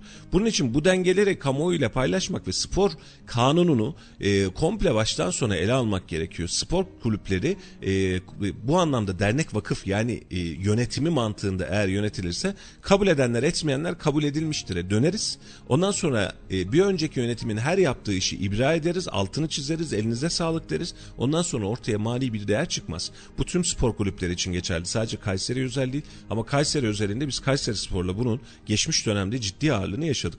Berna Hanım takımı bir yere oturttu. Bir şekilde futbolcular artık maaşlarını alıyor, özlüklerini alıyor. Ben para almıyorum deyip bırakıp sözleşmesini tek taraflı feshetmiyor. Bunlar çok önemli gelişmelerdi şehir adına. Ama yine söylüyorum bu işin sürdürülebilir olması için Berna Hanım'ın da bu hesapları kime borçlandığımızı, kimden aldığımızı, kime geri verdiğimizi, borcun büyüdüğünü mü, küçüldüğünü mü kamuoyu ile paylaşması ve buna uygun da adımlar atması lazım. En büyük derdimiz bu. Ee, daha önceki yönetimlerde belki farklı fasıllar vardı ama bu yönetimdeki arkadaşlarımızla da görüştüğümüzde ya acaba birinin cebine para mı girecek diye kimsenin derdi yok. Herkes takım için çalışıyor. Bu çok önemli. Ama yine aynısını söylüyorum. Bunun kurumsal ve sürdürülebilir olması için bunun e, hem mali tablo itibariyle hem büyüme ve küçülme itibariyle açıklanması lazım. Yoksa biz bu sene şampiyon oluruz seneye ligden düşeriz. Yani şu an dört büyük kulüplerde de yaşanılan hadise o ya borç batağından kurtulamıyorlar. Bunun için sürdürülebilir, maliyetinin sürdürülebilir ve e, altyapıya ağırlık veren işte gurbetçiden getirdiğimiz altyapılarla ciddi paralar kazanmıştık. Bu hale gelebilen bir kulüp yapısına eğer olmuyorsa taraftarla buluşmaya, eğer olmuyorsa taraftardan daha fazla finansman sağlamaya gibi nitelikli işlere ihtiyacımız var. Nitelikleri işleri yaparken de tabi politikaları bu anlamda iyi yönetmek lazım. Bir güzel haberimiz vardı Kayseri Spor'u yendi. Bir üzücü haberimiz vardı kadın basketbol takımımız küçülmeye gidiyor diyelim. Önümüzdeki günlerde farklı bir gelişme olursa da aktaracağız onları da tabi. Evet dün 5 Aralık'tı. Önemli 3 gün vardı burada. Birincisi Dünya Gönüllüler Günü'ydü. Gönüllülük kapsamında konuşuruz birazdan. Diğeri Dünya Mühendisler Günü'ydü. Ve diğeri de Kadın Hakları Günü'ydü. Bence aralarından en önemlisi tabii ki hepsi önemli ama kadınlara seçme ve se seçme ve seçilme hakkının verildiği günlerden bir tanesini bundan yıllar önce yaşadık ve hala etkisi devam ediyor. Bununla ilgili neler söylemek gerekir? Ee, soruyu tekrar alabilir miyim? Habere dalmıştım Meriç'im hiç yalan yok yani. Dün 5 Aralık Dünya Kadın Hakları Günü'ydü ve kadınlara yıllar öncesinde seçme ve seçilme hakkı verildi. Evet. Bu önemli bir konu çünkü demokrasi için, adalet kavramları için bu konu bence altın Şimdi kadını üretime katmak, kadını topluma katmak, kadını ayrıştırmamak bizim toplumumuzun önemli e, meziyetlerinden biridir aslında. E, ama ara dönemlerde biz bunu kaybetmişiz. Birazcık böyle e, farz, e, farsi nitelikler diyebileceğim. Arap niteliği değil aslında. Bu kadını birazcık ötekileştirmeyi, kadını birazcık uzakta tutmayı kendimize e, hem gündem etmişiz. E, ama Atatürk'ün e, kadınlara seçme ve seçilme hakkı vermesi e, dünya tarihinde ilklerden biridir. Mesela İngiltere'nin bu anlamda manşetleri vardır. Türkiye'de var. E, bizde niye yok diye bizden sonra eylem yaptıkları, kadınların eylem yaptıkları vakidir. E, bu anlamda önemli bir girişimdi ve kadının iş hayatına katılması, iktisadi hayata katılması da bu anlamda bizim için artılar kazandırdı. Çünkü kadın evde sadece çocuğuna bakacak, kocasının hizmetlerini görecek e, ve, ve başka hiçbir şeye karışmayacak, başka hiçbir şeye bulaşmayacak bir nitelik olmaktan çıkarttık. Kadına e, olması gereken niteliği yeniden kazandırdığımız bir dönem. E, şu anda da toplumumuza baktığımız zaman ekonomik anlamda özellikle şu ekonomik sıkıntılarda bunu çok çok daha fazla görüyoruz. Kadın çalışmadan, kadın hareket etmeden, kadın kadın omzunu koymadan erkeğin tek başına bir dünyanın üzerinden gelmesi, ekonomik olarak var olması da mümkün değil. E, siyaseten de aynı şey söz konusu. Her ne kadar bazı vekiller bazında biz ki erkek vekillerde de yaşıyoruz bunu. Ya keşke hiç olmasaydı dediğimiz insanlar var. Ama bu cinsiyetçil bir ayrımcılık değil. Yani kadın olduğu için, erkek olduğu için değil, fikirleri nedeniyle Kayseri Kayseri genelinde yaşadığımız hadiseden örnekle gideceğim. E, ama onların siyasette bulunması, onların ticarette bulunması, onların içtimai hayatın tüm mertebelerinde bulunması e, Türk toplumunun kazandığı en büyük değerlerden bir tanesi. Bunu da kaybetmemek lazım. E, onlar için hem bir bağımsızlık hem bir nitelik hem de bir e, bulunma ve e, toplumu yeniden ayağa kaldırma modeli bu. E, bu anlamda önemli bir gün olduğunu özellikle e, altını çizerek belirtmek isterim ve e, bu özelliğin ve bu niteliğinde hiçbir zaman kaybedilmemesi en büyük e, temennimiz olur. Evet bunları söylediğiniz için teşekkür ederim ama Kayseri gündemine gelelim. Hatta Kayseri gündemine gelmeden önce yol durumuna da bakmak istiyorum. Çünkü Tabii. haftanın ilk günü ve yoğunluk olan noktalar da var. Özellikle Mustafa Kemal Paşa bulvarında Melik Gazi Belediyesi'nin hemen karşısındaki alt geçitin olduğu bölgede bir trafik yoğunluğu var. Bu bölgede olan sürücülerimiz de şu dakika itibariyle Kızılırmak Caddesi'ni kullanarak alternatif yol olarak tercih edebilirler. Evet diğer noktalarımızdan birisi de her gün sabah yoğunluğun olduğu noktalardan Talas Atatürk Bulvarı ve Hulusi Akar Bulvarı'nda şu dakika itibarıyla Sadece Atatürk Bulvarı'nda ışıklar ışıklarda kısmi bir yoğunluk var ama genel itibariyle trafik akıyor. Aynı şekilde Hulusi Akar Bulvarı'nda da Sümer Üst Geçi'de döndüğümüz noktada Erkilet Bulvarı'na Sümer Üst Geçi'de çıkan noktada bir trafik yoğunluğunun olduğunu belirtelim. Aynı zamanda Osman Kavuncu Bulvarı'nda yeni sanayinin girişinde bir trafik yoğunluğu var. Bu bölgede olan sürücülerimiz de dikkatli olmaları konusunda uyarıda bulunalım bulunalım efendim. Şimdi e, keşke şöyle bir şey söyleyebilsek. Efendim Furkan Doğan kavşağı açıldı bugün itibariyle. Trafiğe açık halde diyebilseydik keşke ama diyemiyoruz. Hani mesela bu kadar e, söylenenin içerisinde e, keşke böyle bir olumlu haber de verebilseydik. Düşünsene ne kadar güzel olurdu. Hani o ne kadar güzel. Bak yol açılmış, oradaki trafik bitmiş, oradaki çile de kaybolmuş diyebilseydik. Ama diyemiyoruz efendim. Sabah saatlerinde yine aynı yoldan geçtik. E, yolda çalışma da yok gibiydi genel itibariyle. Öyle birkaç günde de açılacak gibi bir durum yok. Ay sonunu bulmayı boş verin. Biz önümüzdeki yılı da bulacağız gibi görünüyor. En azından ben öyle hissettim. Furkan Doğan Kavşağı'nda ve o Hulusi Akar Bulvarı dediğimiz noktada e, bir ayı aşkın süredir radyoda konuşuyoruz. Daha öncesinde aylardır e, Kayseri bunu özellikle yayınladık, yayınladık, söyledik, söyledik. Ama açılmayası havası tutan bir kavşağımız var. Açılınca ne yapsak Melih'ciğim? Biz bir oyun havası falan mı çalsak? Mesela öyle bir adakta bulunalım rahat olur. Hüseyin'e söyleyelim çal oradan bir oyun havası oynayacağız bak bunu kutlayacağız diye. Açılsın artık. Rica ediyoruz lütfen diyoruz açılsın artık. Yani insanların burnundan geldi ve yine hep söylediğimiz noktaya geliyor Melih'ciğim. Şimdi parasını ödemişsin ya da ödeyeceksin. E, işi sen yaptırıyorsun.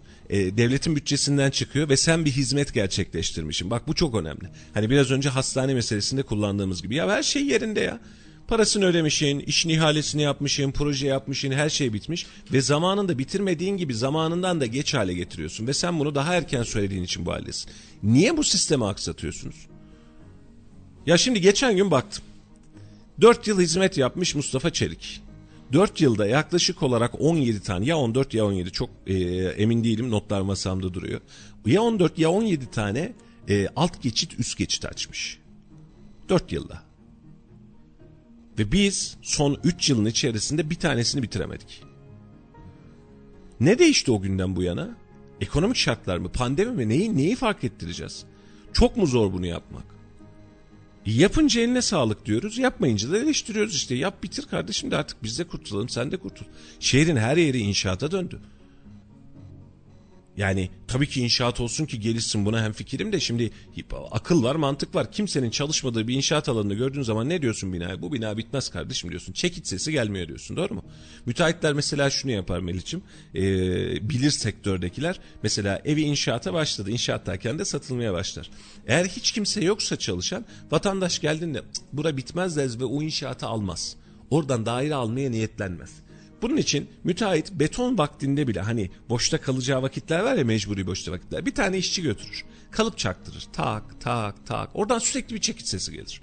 Bunun anlamı şudur. Bak burada çalışılıyor. Bak ha haberin olsun. Çalışıyoruz biz işimizin üstündeyiz der. Şu an durum yaşadığımız durum bu. Aylarca dokunulmamış bir alan var. Aylarca. Neyi bekliyoruz? Bu, bu yani hangi iş akışına müsait mi? Düşünsene. Personeline bir iş veriyorsun ben nasıl olsa şu gün teslim edeceğim dedim diye yatıyor. Aynı hadise. Ve vatandaşın şikayeti artıyor sayın yetkililer. Yani vatandaşın şikayetini dindirmek istiyorsanız burayı tezelden bitirin. Ama şunu söyleyeyim yarın bitti deseniz dahi vatandaş bugünü unutmuyor kaç gün kaç ay boyunca burada bu hengameyle baş başa kaldığını da unutmuyor. Yanlış yapılan işi de yanlıştır diye özellikle söylüyoruz. E, bunu düzeltirseniz toparlarsanız biz de o yoldan geçersek size de teşekkür ederiz. E, ama yaptığınız yanlış ve yaptığınız geciktirmede yanınıza kar kalmış olmayacak. Bunu unutmayacağız ve dillendireceğiz bilginiz olsun. Her gün konuştuğumuz konulardan bir tanesi bakalım bu ay sonuna kadar bitecek mi? Çünkü Açıklamalar bu yöndeydi. Kasım'ın sonuna doğru müteahhitin bitirmesi gerekiyor. Söylemleri bu şekilde olmuştu denildi ama bizler aralığa doğru bitebilir tahmininde bulunuyoruz diye açıklamalar varken bakalım Aralık ayına girdik ve aralığı da artık ortalıyoruz. Yaklaşık 25 gün kaldı. Ayda bitecek. Bakalım ne olacak? Biz açılmadığı her gün yayınımızda söylüyoruz çünkü bu bölgeden çok fazla şikayet alıyoruz. Vatandaşlar da bize söylüyor. Ve iş çıkış saatlerinde, iş giriş saatlerinde bu bölgede yoğunluğun olduğunu görüyoruz ve dolanıyorlar. Milli servet diye konuşmaya da devam edeceğiz. Hizmet istiyoruz. Var olan hizmetlerin düzgün yerine getirilmesini istiyoruz. Siyaseti hadi siyasetçiler konuşsun diyoruz, geçiyoruz ama biz kendi yerel yönetimlerimizden yaptıkları söz verdikleri işleri vaktinde zamanında yapmalarını ve sözlerini tutmalarını istiyoruz. Nokta. Biraz önce konuştuk. Sağlıkta aynı durum söz konusu. Var olan bir hastanemiz var. Birden fazla hastanemiz var. Birilerinin elinde bu hastaneleri ya da bu akışları vatandaşı mağdur etmek için kullanmaktan vazgeçmelerini, sistemlerini düzgün toparlamalarını açmalarını rica ediyoruz. Pandemi bunun için sebep değil. Pandeminin daha ağır dönemlerini atlattık biz bu hastanelerde. Vatandaş 2 ay, 3 ay, 5 ay sonrasında sıra alıyorsa burada bir handikap var. Burada bir sıkıntı var. Bakınız vatandaşın gelen yorumlarına aynısını siz de göreceksiniz. Yapmayın ağlar beyler. Biz bu millette, bu memlekette yaşıyoruz. Biz ee, bu ülkenin evlatlarıyız ve biz bu ülkede insanlar daha düzgün hizmet alsın, daha iyi yaşasın diye uğraşıyoruz. Ve bunu yaparken de siz e, ya kimse görmüyor nasıl olsa neyse bunu da böyle idare etsinler aman biraz da paramız mı ağzını aman biraz da rahatımız istiyoruz derseniz millet bir yerlerde çakılır bu çakılmada da size yazar. Bakın sürekli anlattığınız, e, övgü duyduğunuz ya başlarlardı yolu bitirmezlerdi, yol bile yapmazlardı dediğiniz döneme döndürüyorsunuz bizi yapsanıza. Beğenmediğiniz küçücük ilçe belediyeleri sizden daha fazla, daha hızlı hizmet yapıyor. Yanlışlarınızı fark edin ve yanlışlarınızdan bir an evvel dönün. Ricamız odur. Hani biraz önce spordan da bahsettik ya Meriç'im. Hani şimdi diyoruz ya hani işte kulübe destek vermiyoruz. Tamam verme. Tamam verme kardeşim. Ne yaptın? Yani buraya kullanabileceğin bütçeyi ne yaptın? Başka sosyal olarak, sportif olarak ne yaptın? Bize bunları bir açıklasana. Bakın Sayıştay raporu geldi. Bugün yarın piyasaya düşecek. Senin sportif olarak yapmış olduğun, yapmaman gereken şeyleri yaptın sen. Ama geliyorsun şehrin bir tane iki tane kulübü var. Bu kulübün içerisinde bir tanesini görmezden geliyorsun. Tamam hadi görme. Ya tamam hadi görme. Peki buna alternatif olarak bunu değiştirebilecek, buradaki sosyal donatıyı değiştirebilecek, buradaki marka kimliğini değiştirecek başka ne yaptın diye sormazlar mı adama? Biz bundan iki yıl öncesindeydi, iki üç yıl öncesindeydi. Gastronomi şehri Kayseri diye bir çıkış yaptık. Otelleri kiraladık, koca koca şefler getirdik. Biz gastronomi yapacağız diye. Ne yaptık?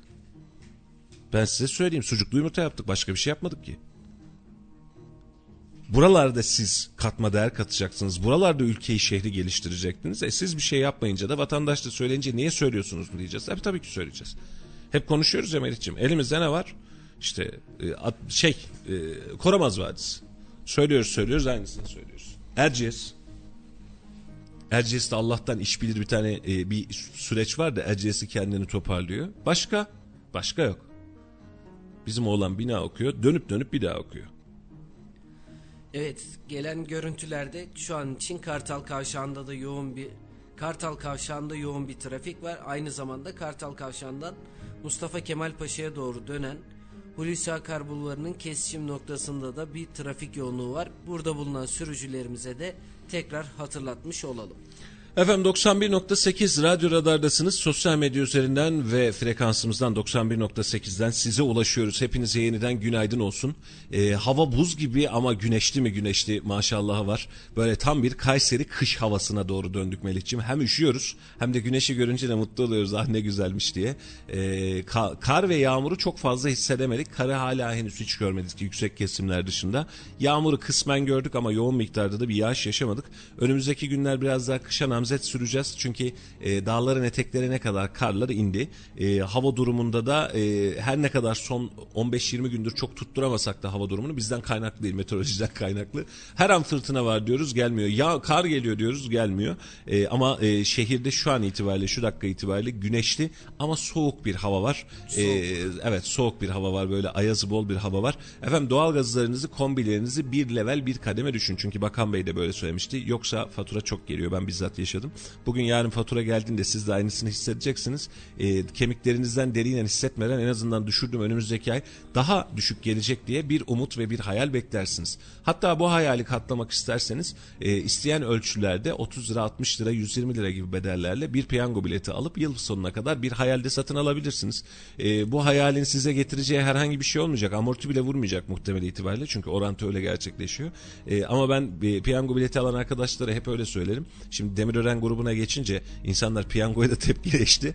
E, ama piyango bileti almak sadece bir aylık hayal satın almak gibiydi. E, devlet eliyle satılan bir e, biletti bu. Her ne kadar Diyanet bazı yerlerde e, buna kumar da dese bir taraftan da devlet eliyle satıldığı için milletin öyle bir rahatlığı vardı. Yılbaşı da geliyor. Bir şeyimiz kalmadı bir yılı daha devireceğiz. E, 2022 nasıl geçtiği belki 2021 nasıl geçtiği belki çok fazla konuşamayacağız. Çünkü işin açıkçası söylemek gerekirse koca bir yıl geçti. Nasıl geçtiğini, e, ne yaşadığımızı biz hatırlamıyoruz dahi. 2020 hele hele literatürümüzde hiç yok. Hatırlıyor musun Hüseyin'cim 2020'de ne olmuştu?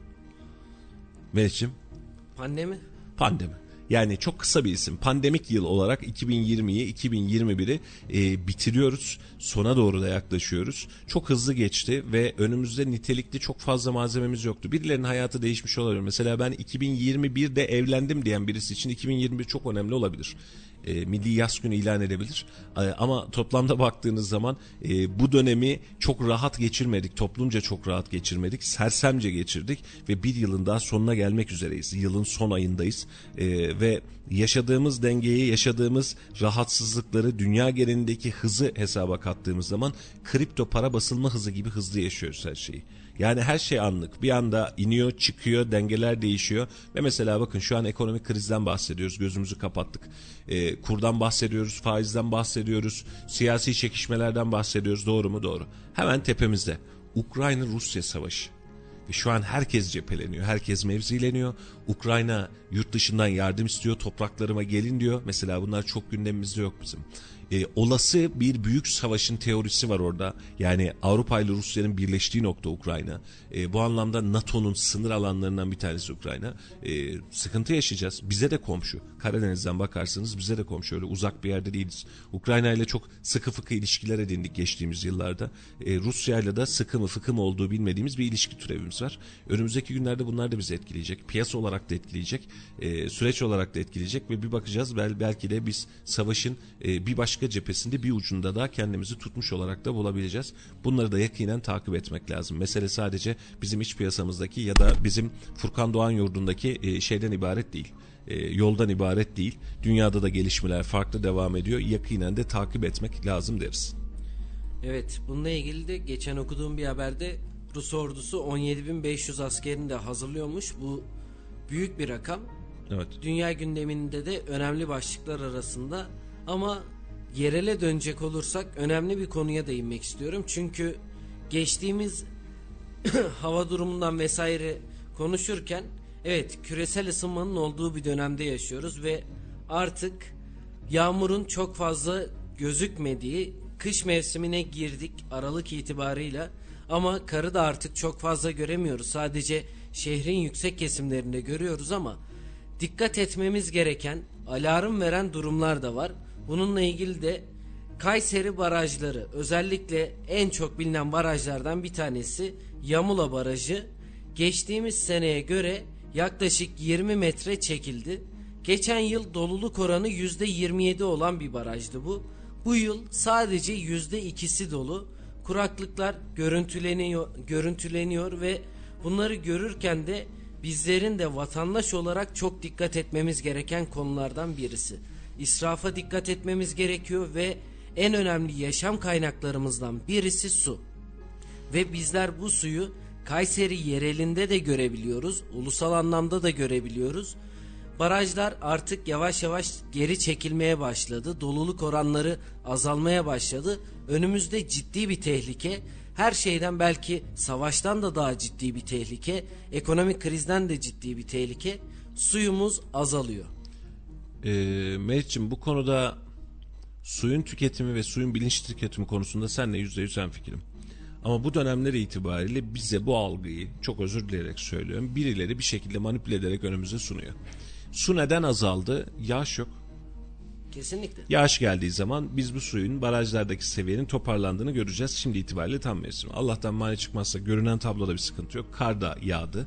Yağmaya da devam edecek. Biz baraj doluluğunu toparlayacağız ama suyun kullanımında daha doğrusu israf etmemek konusunda çok çok daha dikkatli olmamız gerekecek.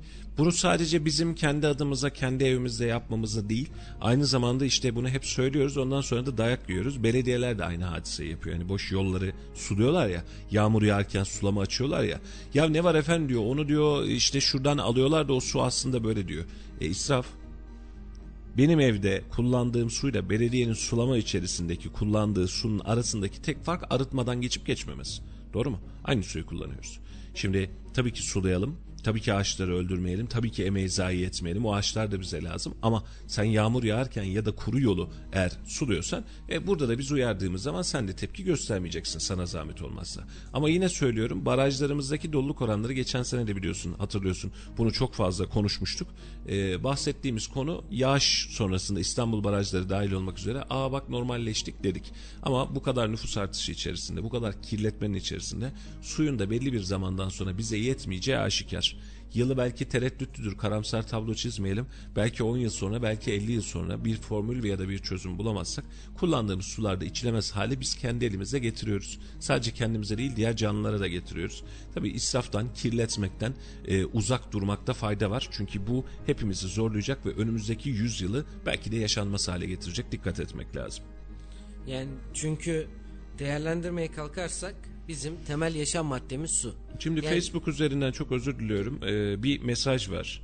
Ee, önemli bir mesaj bence. Diyor ki e, hastaneden randevu alamıyorum. Randevu almak için 20 gün sonraya randevu alma sırası verdiler diyor. Bakın hastaneden randevu alacaksınız. Randevu almak için 20 gün sonraya randevu alıyorsunuz. Yani 20 gün bekleyeceksiniz, 20 gün sonra randevu alacaksınız. Randevunuz da hangi tarihe gelirse.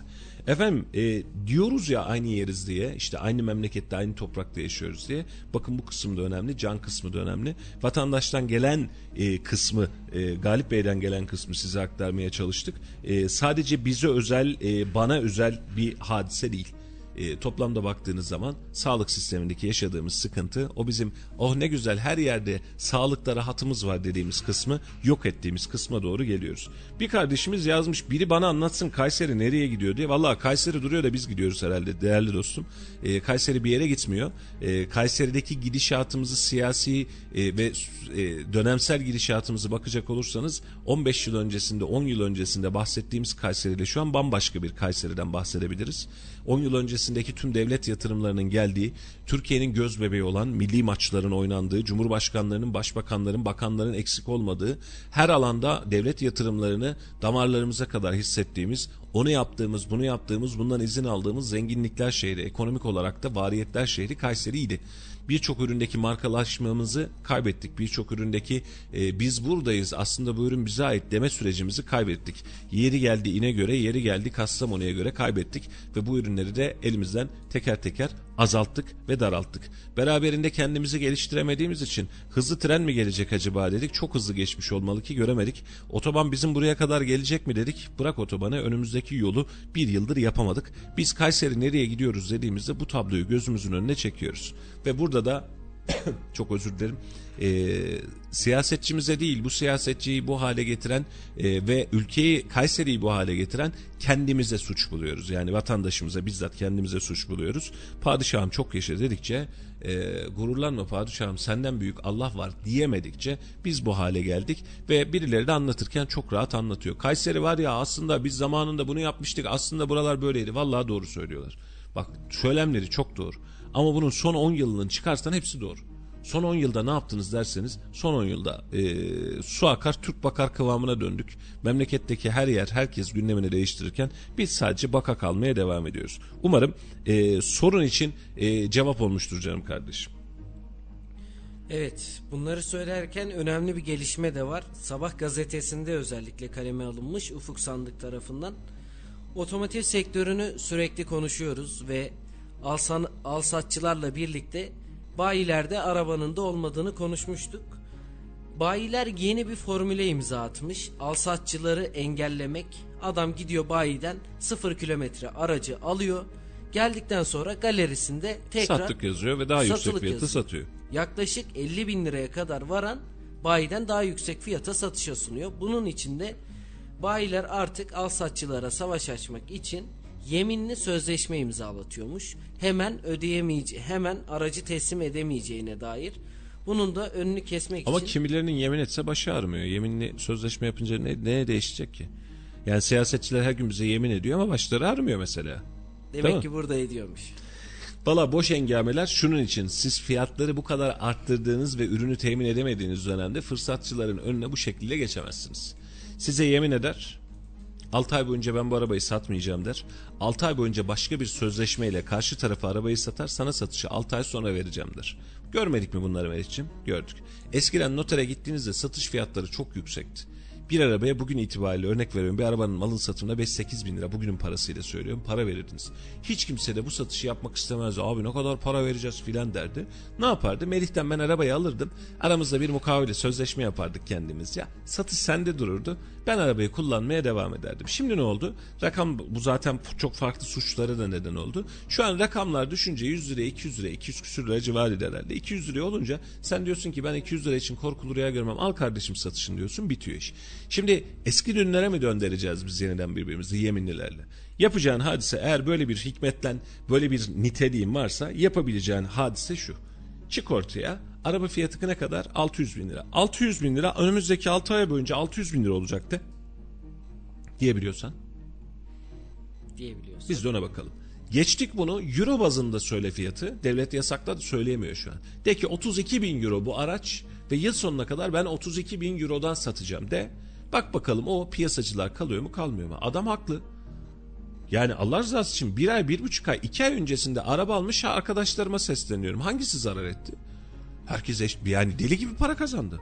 Deli gibi para kazandı. İki ay öncesinde 200 bin liraya aldı araba şu an 400 bin lira diyor. İki ay ya. Ama burada para kazandı mı onu da konuşabiliriz. Sonuç itibariyle kaybetmedi Meriç'ciğim. Kazanmadı. Yani Değerini sana göre korudu. bana göre para kazandı mı para kazandı. Meriç'ciğim e, eşten dosttan anadan babadan alsan da bir 150-200 bin lira bir araya getirsen bir tane araba alsan demiş olsaydım. Abi milletten borç mu alayım derdin. Keşke alsaydın. Keşke. Doğru mu?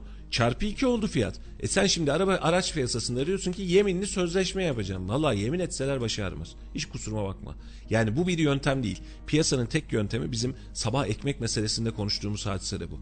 Eğer sürdürülebilir hale getirmezseniz isterseniz faiziniz sıfır olsun. Cebinizdeki parayla eğer ürün alamıyorsanız burada sancı başlıyor. Bakın organize sanayi bölgesine bugün de ziyaretlerine gideceğim Allah'tan çıkmazsa kan alıyorlar. Malzeme yok, ham madde yok. Sipariş geleceği zaman diyor ki an itibariyle ver parasını da an itibariyle gönder diyor. Ben sana 10 günden gönderirim ürünü diyor. Bugün itibariyle göndermedin mi? Yarına kadar diyor senin gönderdiğin para da hükümsüz olabilir diyor. Hani ne oldu? Ticaretimiz iyi gidecekti. Biz kendi içimizdeki ticarette sancı yaşıyoruz. Çünkü 1 liraya verdiğimiz malı 1 liraya yeniden alamıyoruz. Benim babam küçük esnaf Meriç'im tanışıyorsun iyi kötü. Yani dün diyor ki oğlum satıyoruz bir şeyler de diyor. Karını da güzel satır o böyle küçük malzemelerdir. Sattığımız paraya gidip alamıyoruz diyor. E çünkü niye? Bir sene öncesinde aldığı bir or, bir parça malzeme var. Her gün fiyat mı tayin edecek? Her gün fiyat mı belirleyecek adam? Ve söyleyince bunları konuşunca şimdi e, Haseki Başkan da çıkıyor açıklama yapıyor. Ya bunlar küçük şeyler böyle küçük ekonomik krizler yakında halledeceğiz siz merak etmeyin diyor. Vallahi inşallah halledin. Yani asgari ücret ve emekli maaşını açıklayınca halledeceğinizi ve bu işi bitireceğinizi düşünüyorsanız biz bunu bir aydır konuşuyoruz. Halledemezsiniz. Siz asgari ücreti bugün itibariyle 2825'ten çıkartıp 5000 lira da yapsanız siz o 5000 lirayı asgari ücretinin cebine koymadan her şeye zam olarak bu yansıyacak. Ve siz bunu kendinizce bir tamam toparladık yöntem olarak düşünüyorsunuz. Böyle bir toparlanma yok. Asgari ücreti devlet vermiyor bana. Asgari ücreti işveren veriyor. Doğru mu? İşveren veriyor. Mobilya üreticisi gidiyor asgari ücretli bin tane çalışanı var, yüz tane çalışanı var, ürün üretiyor. Şimdi sen adama diyorsun ki senin kaç çalışanın var kardeşim? Yüz tane. Adam başı iki bin lira zam yaptım. Adam hemen hesap makinesi falçiti çeviriyor. 200 bin lira maliyet farkı var. Koydum abi ürünlere yüzde otuz diyor geçmiş olsun. Hadi buyur. E ve bu asgari ücrette çıkacak o ürünü gidecek mağazadan AVM'den alacak yüzde otuz, yüzde kırk, yüzde elli farklı. Bu bir çözüm değil. Bu bizim için de bir çözüm değil. Büyük bir umutla hepimizin beklediği asgari ücreti ki daha önceki yıllarda bunu yaşadık. Bunu en iyi asgari ücretli bilir. Asgari ücret zammı Aralık'ta açıklanır. Asgari ücretli ilk maaşı uzanırken onun yarısını birileri çalar. Gelen zamlarla. Aynen öyle. Ha, bundan sonra da biz sistemi düzeltebileceğimiz. Evet sistemde teorideki doğruluk şu Melih'ciğim. Bu işi üretimle çözeriz. Bu işi katma değerli üretimle çözeriz. Bakın üretimle değil aslında tek başına. Katma değerli üretimle çözeriz. Biz Çin olma sevdasında olmamalıydık.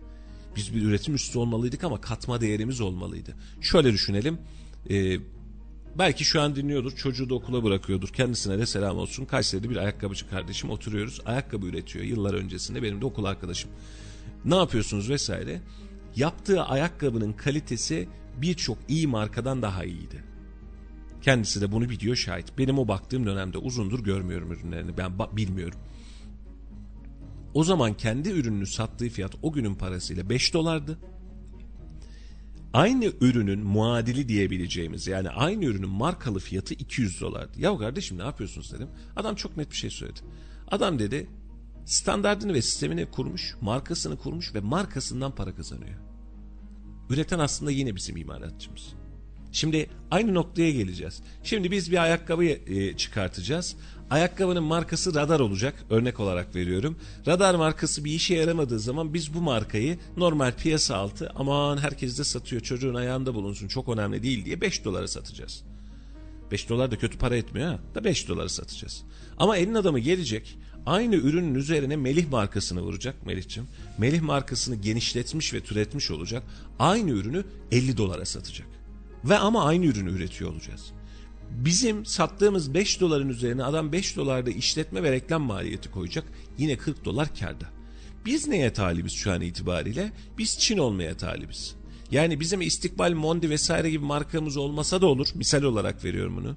Arçelik, Beko gibi markamız olmasa da olur. Biz yan sanayi gibi verelim gözünü abi. 3 dolara, 5 dolara, 2 dolara ürün satalım. Peki karlılık bunun neresinde? Sadece üretim mi yapmış olmak? Sadece ham maddeyi mi ezmek? Biz o zaman günü kurtarmış oluruz. Şimdi yaşadığımız hadise ne biliyor musun Meli? Hani biz AliExpress'ten giriyorduk vakti zamanında. Çin'den aa bir dolarmış bir şey. Aa üç dolarmış hiçbir şey değil diyorduk ya. Yani 3 dolara sen üzerine bir tane tişört buluyordun tamam mı? Bir ceket buluyordun. 3 dolar ya para değil ya alayım şunu diyordun. 3 doların ne yapıyor şu an itibariyle? Ya 3 Elin Avrupa'sı hatta geçtik dünün yüzüne bakmadığımız beğendiğimiz Bulgaristan'ı lavası mıdır nedir arttı diye bize aynı muameleyi yapıyor. Ve biz bunun bir çözüm olduğuna inanıyoruz. Ben yine söylüyorum üretim olmazsa olmaz esasımız ama üretimi katma değeri yüksek üretim haline getirmemiz lazım. 5 kamyon şuradan 5 tır mobilya gönderiyoruz. Bir tır mobilya ile kazandığımız parayla bir iPhone alamıyoruz. Bu mudur mantık? Bir iPhone alamıyorsun. Bak bir tır gönderiyorsun. İşçilik var, emek var, ürün var, nitelik var, nakliye var, her şey var. Bir, bir, bir tane şey alamıyorsun iPhone'un en e, üst segmentinden telefon alamıyorsun.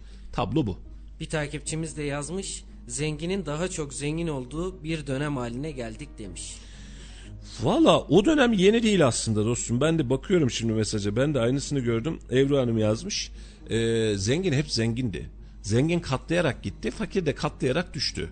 Yani e, biz şunu göremedik. Siyaset dışı siyaset dışı hani siyaset bulaşmamış olmak kaydıyla fakirin çocuğunun zenginleştiğini ben halen göremedim. Böyle zenginlikten kastım normal zenginlikten bahsetmiyorum ya. Hiç mi yanlış anlaşmasını bir ev almış bir araba almıştan bahsetmiyorum. Bu da büyük zenginlik çok şükür.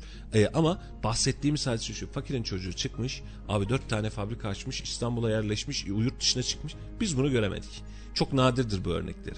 Zenginin çocuğunun da fakiri, fakirliğe döndüğünü göremedik. Eğer işin içinde kumar vesaire vesaire gibi hadiseler yoksa kendini patlatacak bir nokta bulmamışsa bunu da göremedik. Zengin hep kendinde daha fazla zengin olmayı başardı. Maşallahları var.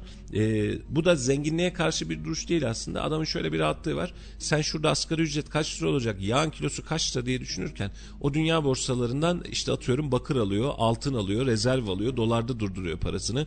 Ee, dükkanını kiraya veriyor, mülkünü kiraya veriyor. Buradan para kazanıyor. Ee, bir zahmet o da olsun be. Yani bizim gibi ufak işlerle uğraşmıyor. Un kaç lira oldu ekmeğe zam gelecek bir derdiyle uğraşmıyor. Adam e, hamuduyla yapmış zaten yapacağını vakti zamanında. Bir taraftan da gelir var. Zengin e, her zaman fakirden daha akıllıdır. Çünkü aklı alabilecek para vardır. Fakirin aklını da parasıyla kullanabilir. Onun için onlar zenginleşmeye devam edecekler. Buna yapacak bir şey yok. Evet biraz önce gelen görüntüleri sosyal medya hesabımızda da paylaştık. Mimar Sinan Organize Sanayi Bölgesi'nin girişinde yol yapım çalışması varmış. Bir giriş kapalı, diğer girişte de şu an için araç yoğunluğu var. Bu bölgede olan sürücülerimizin de dikkatli olmalı çünkü alternatif yol yok bu bölgede. Dikkatli olmaları konusunda da uyarıda bulunalım. Bulunalım efendim. Efendim e, artık yayınımızın sonlarına doğru geleceğiz. Ufak bir piyasa yapalım. E, ne olmuş? Laf Sokak'ta da bir şeyimiz var mı arkadaşlar yayınlayacağımız? Evet, cumartesi günü arkadaşlarımız gittiler. Bizler dövize bakarken Ben hemen dövizden geçeyim. Siz bir konuya bakın. Şu dakika itibariyle Euro 13.75, dolar 15.52 ve çeyrek altın 1278 lira. Gram altına baktığımızda ise 790 lira olarak şu dakika itibariyle iş, işlem görüyor. Ee, geçtiğimiz haftaya kadar da göre daha yüksek ama gece saatlerine göre 0.50 bas puan daha düşük bir e, şeyimiz var. E, fiyat analizimiz var. E, sabah saat biliyorsunuz 10 itibariyle 9.55 itibariyle e, İstanbul Menkul, Menkul Kıymetler Borsası açılıyor. Orada fiyat endeksini saat 9 ve 10 itibariyle daha rahat görüyoruz ki bugün de saat 10'da değil mi? E, Altın Dünyası diye bir 11'de mi? 11'de programımız olacak. E, sarrafımız e, İhsan Bey ile beraber Halil Bey bir yayın yapacaklar ve altın piyasasındaki, döviz piyasasındaki son durumu da birlikte değerlendirmiş olacaklar. Bu yayında kaçırmayın. Yine sosyal medyadan da canlı yayın olarak vereceğiz. Ama şu dakika itibariyle baktığımızda dolar ve euro e, efendim sizi selamlıyor. Yani hiç de iyi gitmiyor. İnşallah sonu iyi olur. Sigara zammı ile alakalı netlik oluşmadı. Sigara zammı geldi söylentisi var ama gelen bir zam henüz bayilere düşmedi. Geldiği o gelmesi e, olası durum ama geldiği zaman sizlere sayfamız üzerinden belirteceğiz. Ne kadar olduğunu da belirteceğiz. Ama geçen haftadan beri biliyorsunuz zaten sigara için bir zam konuşuluyordu. E, kendi sektörleriyle alakalı da konuşuyorlardı. Bir zam gelecek. Yani bir şey geliyor da ne kadar geldiğini bilmiyoruz. Hani yoksa size 3 vakte kadar bir görünen var ama ne göründüğünü birazcık biraz kendimizden zor buluyoruz. E, onun için o ne göründüğünü ilerleyen dakikalarda göreceğiz ve belki de yarın göreceğiz. Yarın konuşacağız. E, düğün yapacak e, ne demiş? Düğün yapacak kartallayım kolaylık versin. Düğün yapacak çiftlerimize Allah kolaylık versin. Kartallayım derken o, o biraz şey olmuş. Evet. Ya efendim düğün de e, yapmayı verin. Yani bizde küçük altın getirecek durum kalmadı. Vatandaşta da kalmadı. Küçük altın olmuş 1300 lira. Sen düğün yapacaksın. Bir de emanetim var. 1300 liraya alsan mı acaba filan derken bu emanet meselesi zaten bu yaz dönemi itibariyle bakın buraya yazıyorum mahkemelik olacak. Ben altın takmıştım bana getirmemiş bunun emsal davaları da var ya Melih'ciğim. Mahkemelik olacak 1300 lira 1500 lira. Bu mantıkta giderse asgari ücrete yaklaşıyor altın böyle gittikçe kademe kademe yaklaşıyor. Maaşın yarısını emanet altına verecek. Ya sen bana altın taktığında 25 liraydı kardeşim yani 25 lira e, hani o zaman bir asgari ücrette 20 tane 30 tane 10 tane her neyse kaç tane alınıyordu. E şimdi baktığınız zaman durum hiç e, bu hale gelmedi. Asgari ücrete filan mı endekslesek acaba bilmiyorum ama bu yaz düğün yapanlar çok büyük altınlar beklemesin. Hatta mümkünse masraf da etmesinler. Düğün filan da yapmasınlar. Valla nikahlarına geliriz biz. E, hiç problem değil. E, çünkü o masraf yoğunluğu çok zor e, ve herkesi de zorlayacak. Mobilyası, gelinliği, yedisi, içtisi, geldisi, gittisi öyle ufak rakamlara çıkacak gibi değil. E, millet ekmek alamıyor değerli arkadaşlar. Zengin değilseniz düğün yapmayın. Zengin bırakın yapsın. Hani çok da yınlaşmayın öyle her şeyde heveslenmeyin. e, çünkü fakire göre de değil artık bizim mahalle düğünü formatına yeniden dönmemiz lazım. Çünkü güç yetebilecek durumların ötesine geçti. Evet Laf Sokak'ta ekibimizi biraz önce konuşmuştuk. Cumartesi günü arkadaşlarımız çıktılar ve kitap... Laf, laf sokakta girecek miyiz? Kaldı mı vaktimiz o kadar? O kadar da vaktimiz kalmadı gibi. Tamam. Melih'ciğim şöyle yapalım. Laf Sokak'ta bugün daha canlı canlı gelecek. Onu görelim. Ama şimdi istersen ufak bir reklam arası verelim. Ardından gelip günü ve gündemi toparlayıp veda edelim. Ufak bir reklamlar ardından buradayız.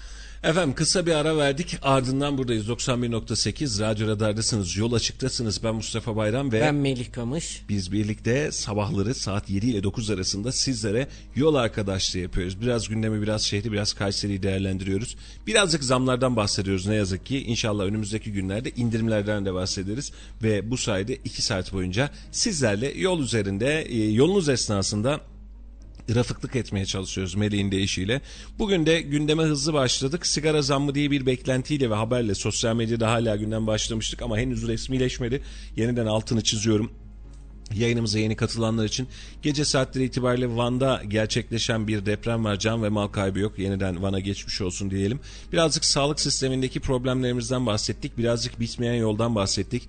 Bir de hafta sonu yeni katılanlar için bizim bir Sevim kardeşimiz vardı. Sevim kardeşimize sağ olsun Palancıoğlu Başkan bir omuz attı. Beraberinde de e, hayırseverlerimiz Selçuk Bey e, sayesinde Sevim kızımızın da iki biyonik kolu için istenilen bütçe ve ödenek hazırlanmış oldu, çıkmış oldu. E, hayırseverlerden Allah razı olsun. E, Palancıoğlu Başkan'a başta teşekkür etmek istiyoruz bu organizasyonu yaptığı için. Memduh Başkan belediyeler olarak 30 bin euro gibi bir destekte bulundu. Sağ olsunlar ve artık Sevim kızımızın yarın için bir umudu var. İlerleyen günlerde de e, bu detayları, bu gelişmeleri sizlerle paylaşmak ve Sevim Nur kızımızı da hatta o biyonik kollarıyla rahat rahat hareket ederken görüntülemek ve onunla o mutluluğu da paylaşmak isteriz. Bu da hafta sonunun bizim için pozitif haberlerinden bir tanesiydi. En güzel haberi buydu bence. O kadar habersiz kalmışız ki e, evet güzel haberleri e, gözümüzde böyle arıyoruz artık. Keşke bir yerlerden daha güzel haberler gelse diye. E, öylelikle de biz hafta sonunu toparlamış olduk. Asgari ücretle ilgili beklentiler artıyor. Herkesin bir açıklaması var. Önümüzdeki günler asgari ücreti belirleyecek. E, 3000 lira mı olacak, 3500 mü olacak, 4500 mü olacak, 6000 isteyenler var. Yok mu arttıran diyenler var. Ama bu enflasyon çıkışıyla ne istesek boş hale gelecek. Bugün sağlık çalışanlarının bir eylemi var. Acil ve pandemi dışında yoğun bakımlar dışında 112'ler dışında sağlık çalışanları iş bırakma eylemi yapacaklar bugün. Bir sendikanın bir tanesi yanlış bilmiyorsam. Ee, bunun gel- gelişmelerini yansımalarını da ilerleyen günlerde göreceğiz ne katacağını. Çünkü sağlık çalışanları doktorlara yapılan zamlardan sonra bize niye yok demeye başladılar. Hatta kendi içlerinde de bir sıkıntı da yaşamış durumdalar. Evet yavaş yavaş programımızın da sonuna geliyoruz. Haftanın ilk gününden sizlere 7 ile 9 arasında seslenmeye çalıştık. Sürçülisan ettiysek affola diyelim. Ben Melih Kamış. Yarın aynı saatte görüşünceye dek hoşçakalın. Efendim Melih toparlamışken ben de Radyo Radar 918 Instagram, Facebook ve Twitter. Buradan da takip ederek yayın akışımıza haiz olabilirsiniz. Ee, yarın yine aynı saatte burada olacağız ama ben akşam saat 19'da da başka bir yayınla e, gündem programıyla sizlerle birlikte olacağım. Biz akşam Melih'le beraber de yarın sabah yeniden burada olacağız. Hep buradayız yani kısaca. İyi, iyi günler diliyoruz. Kolay gelsin.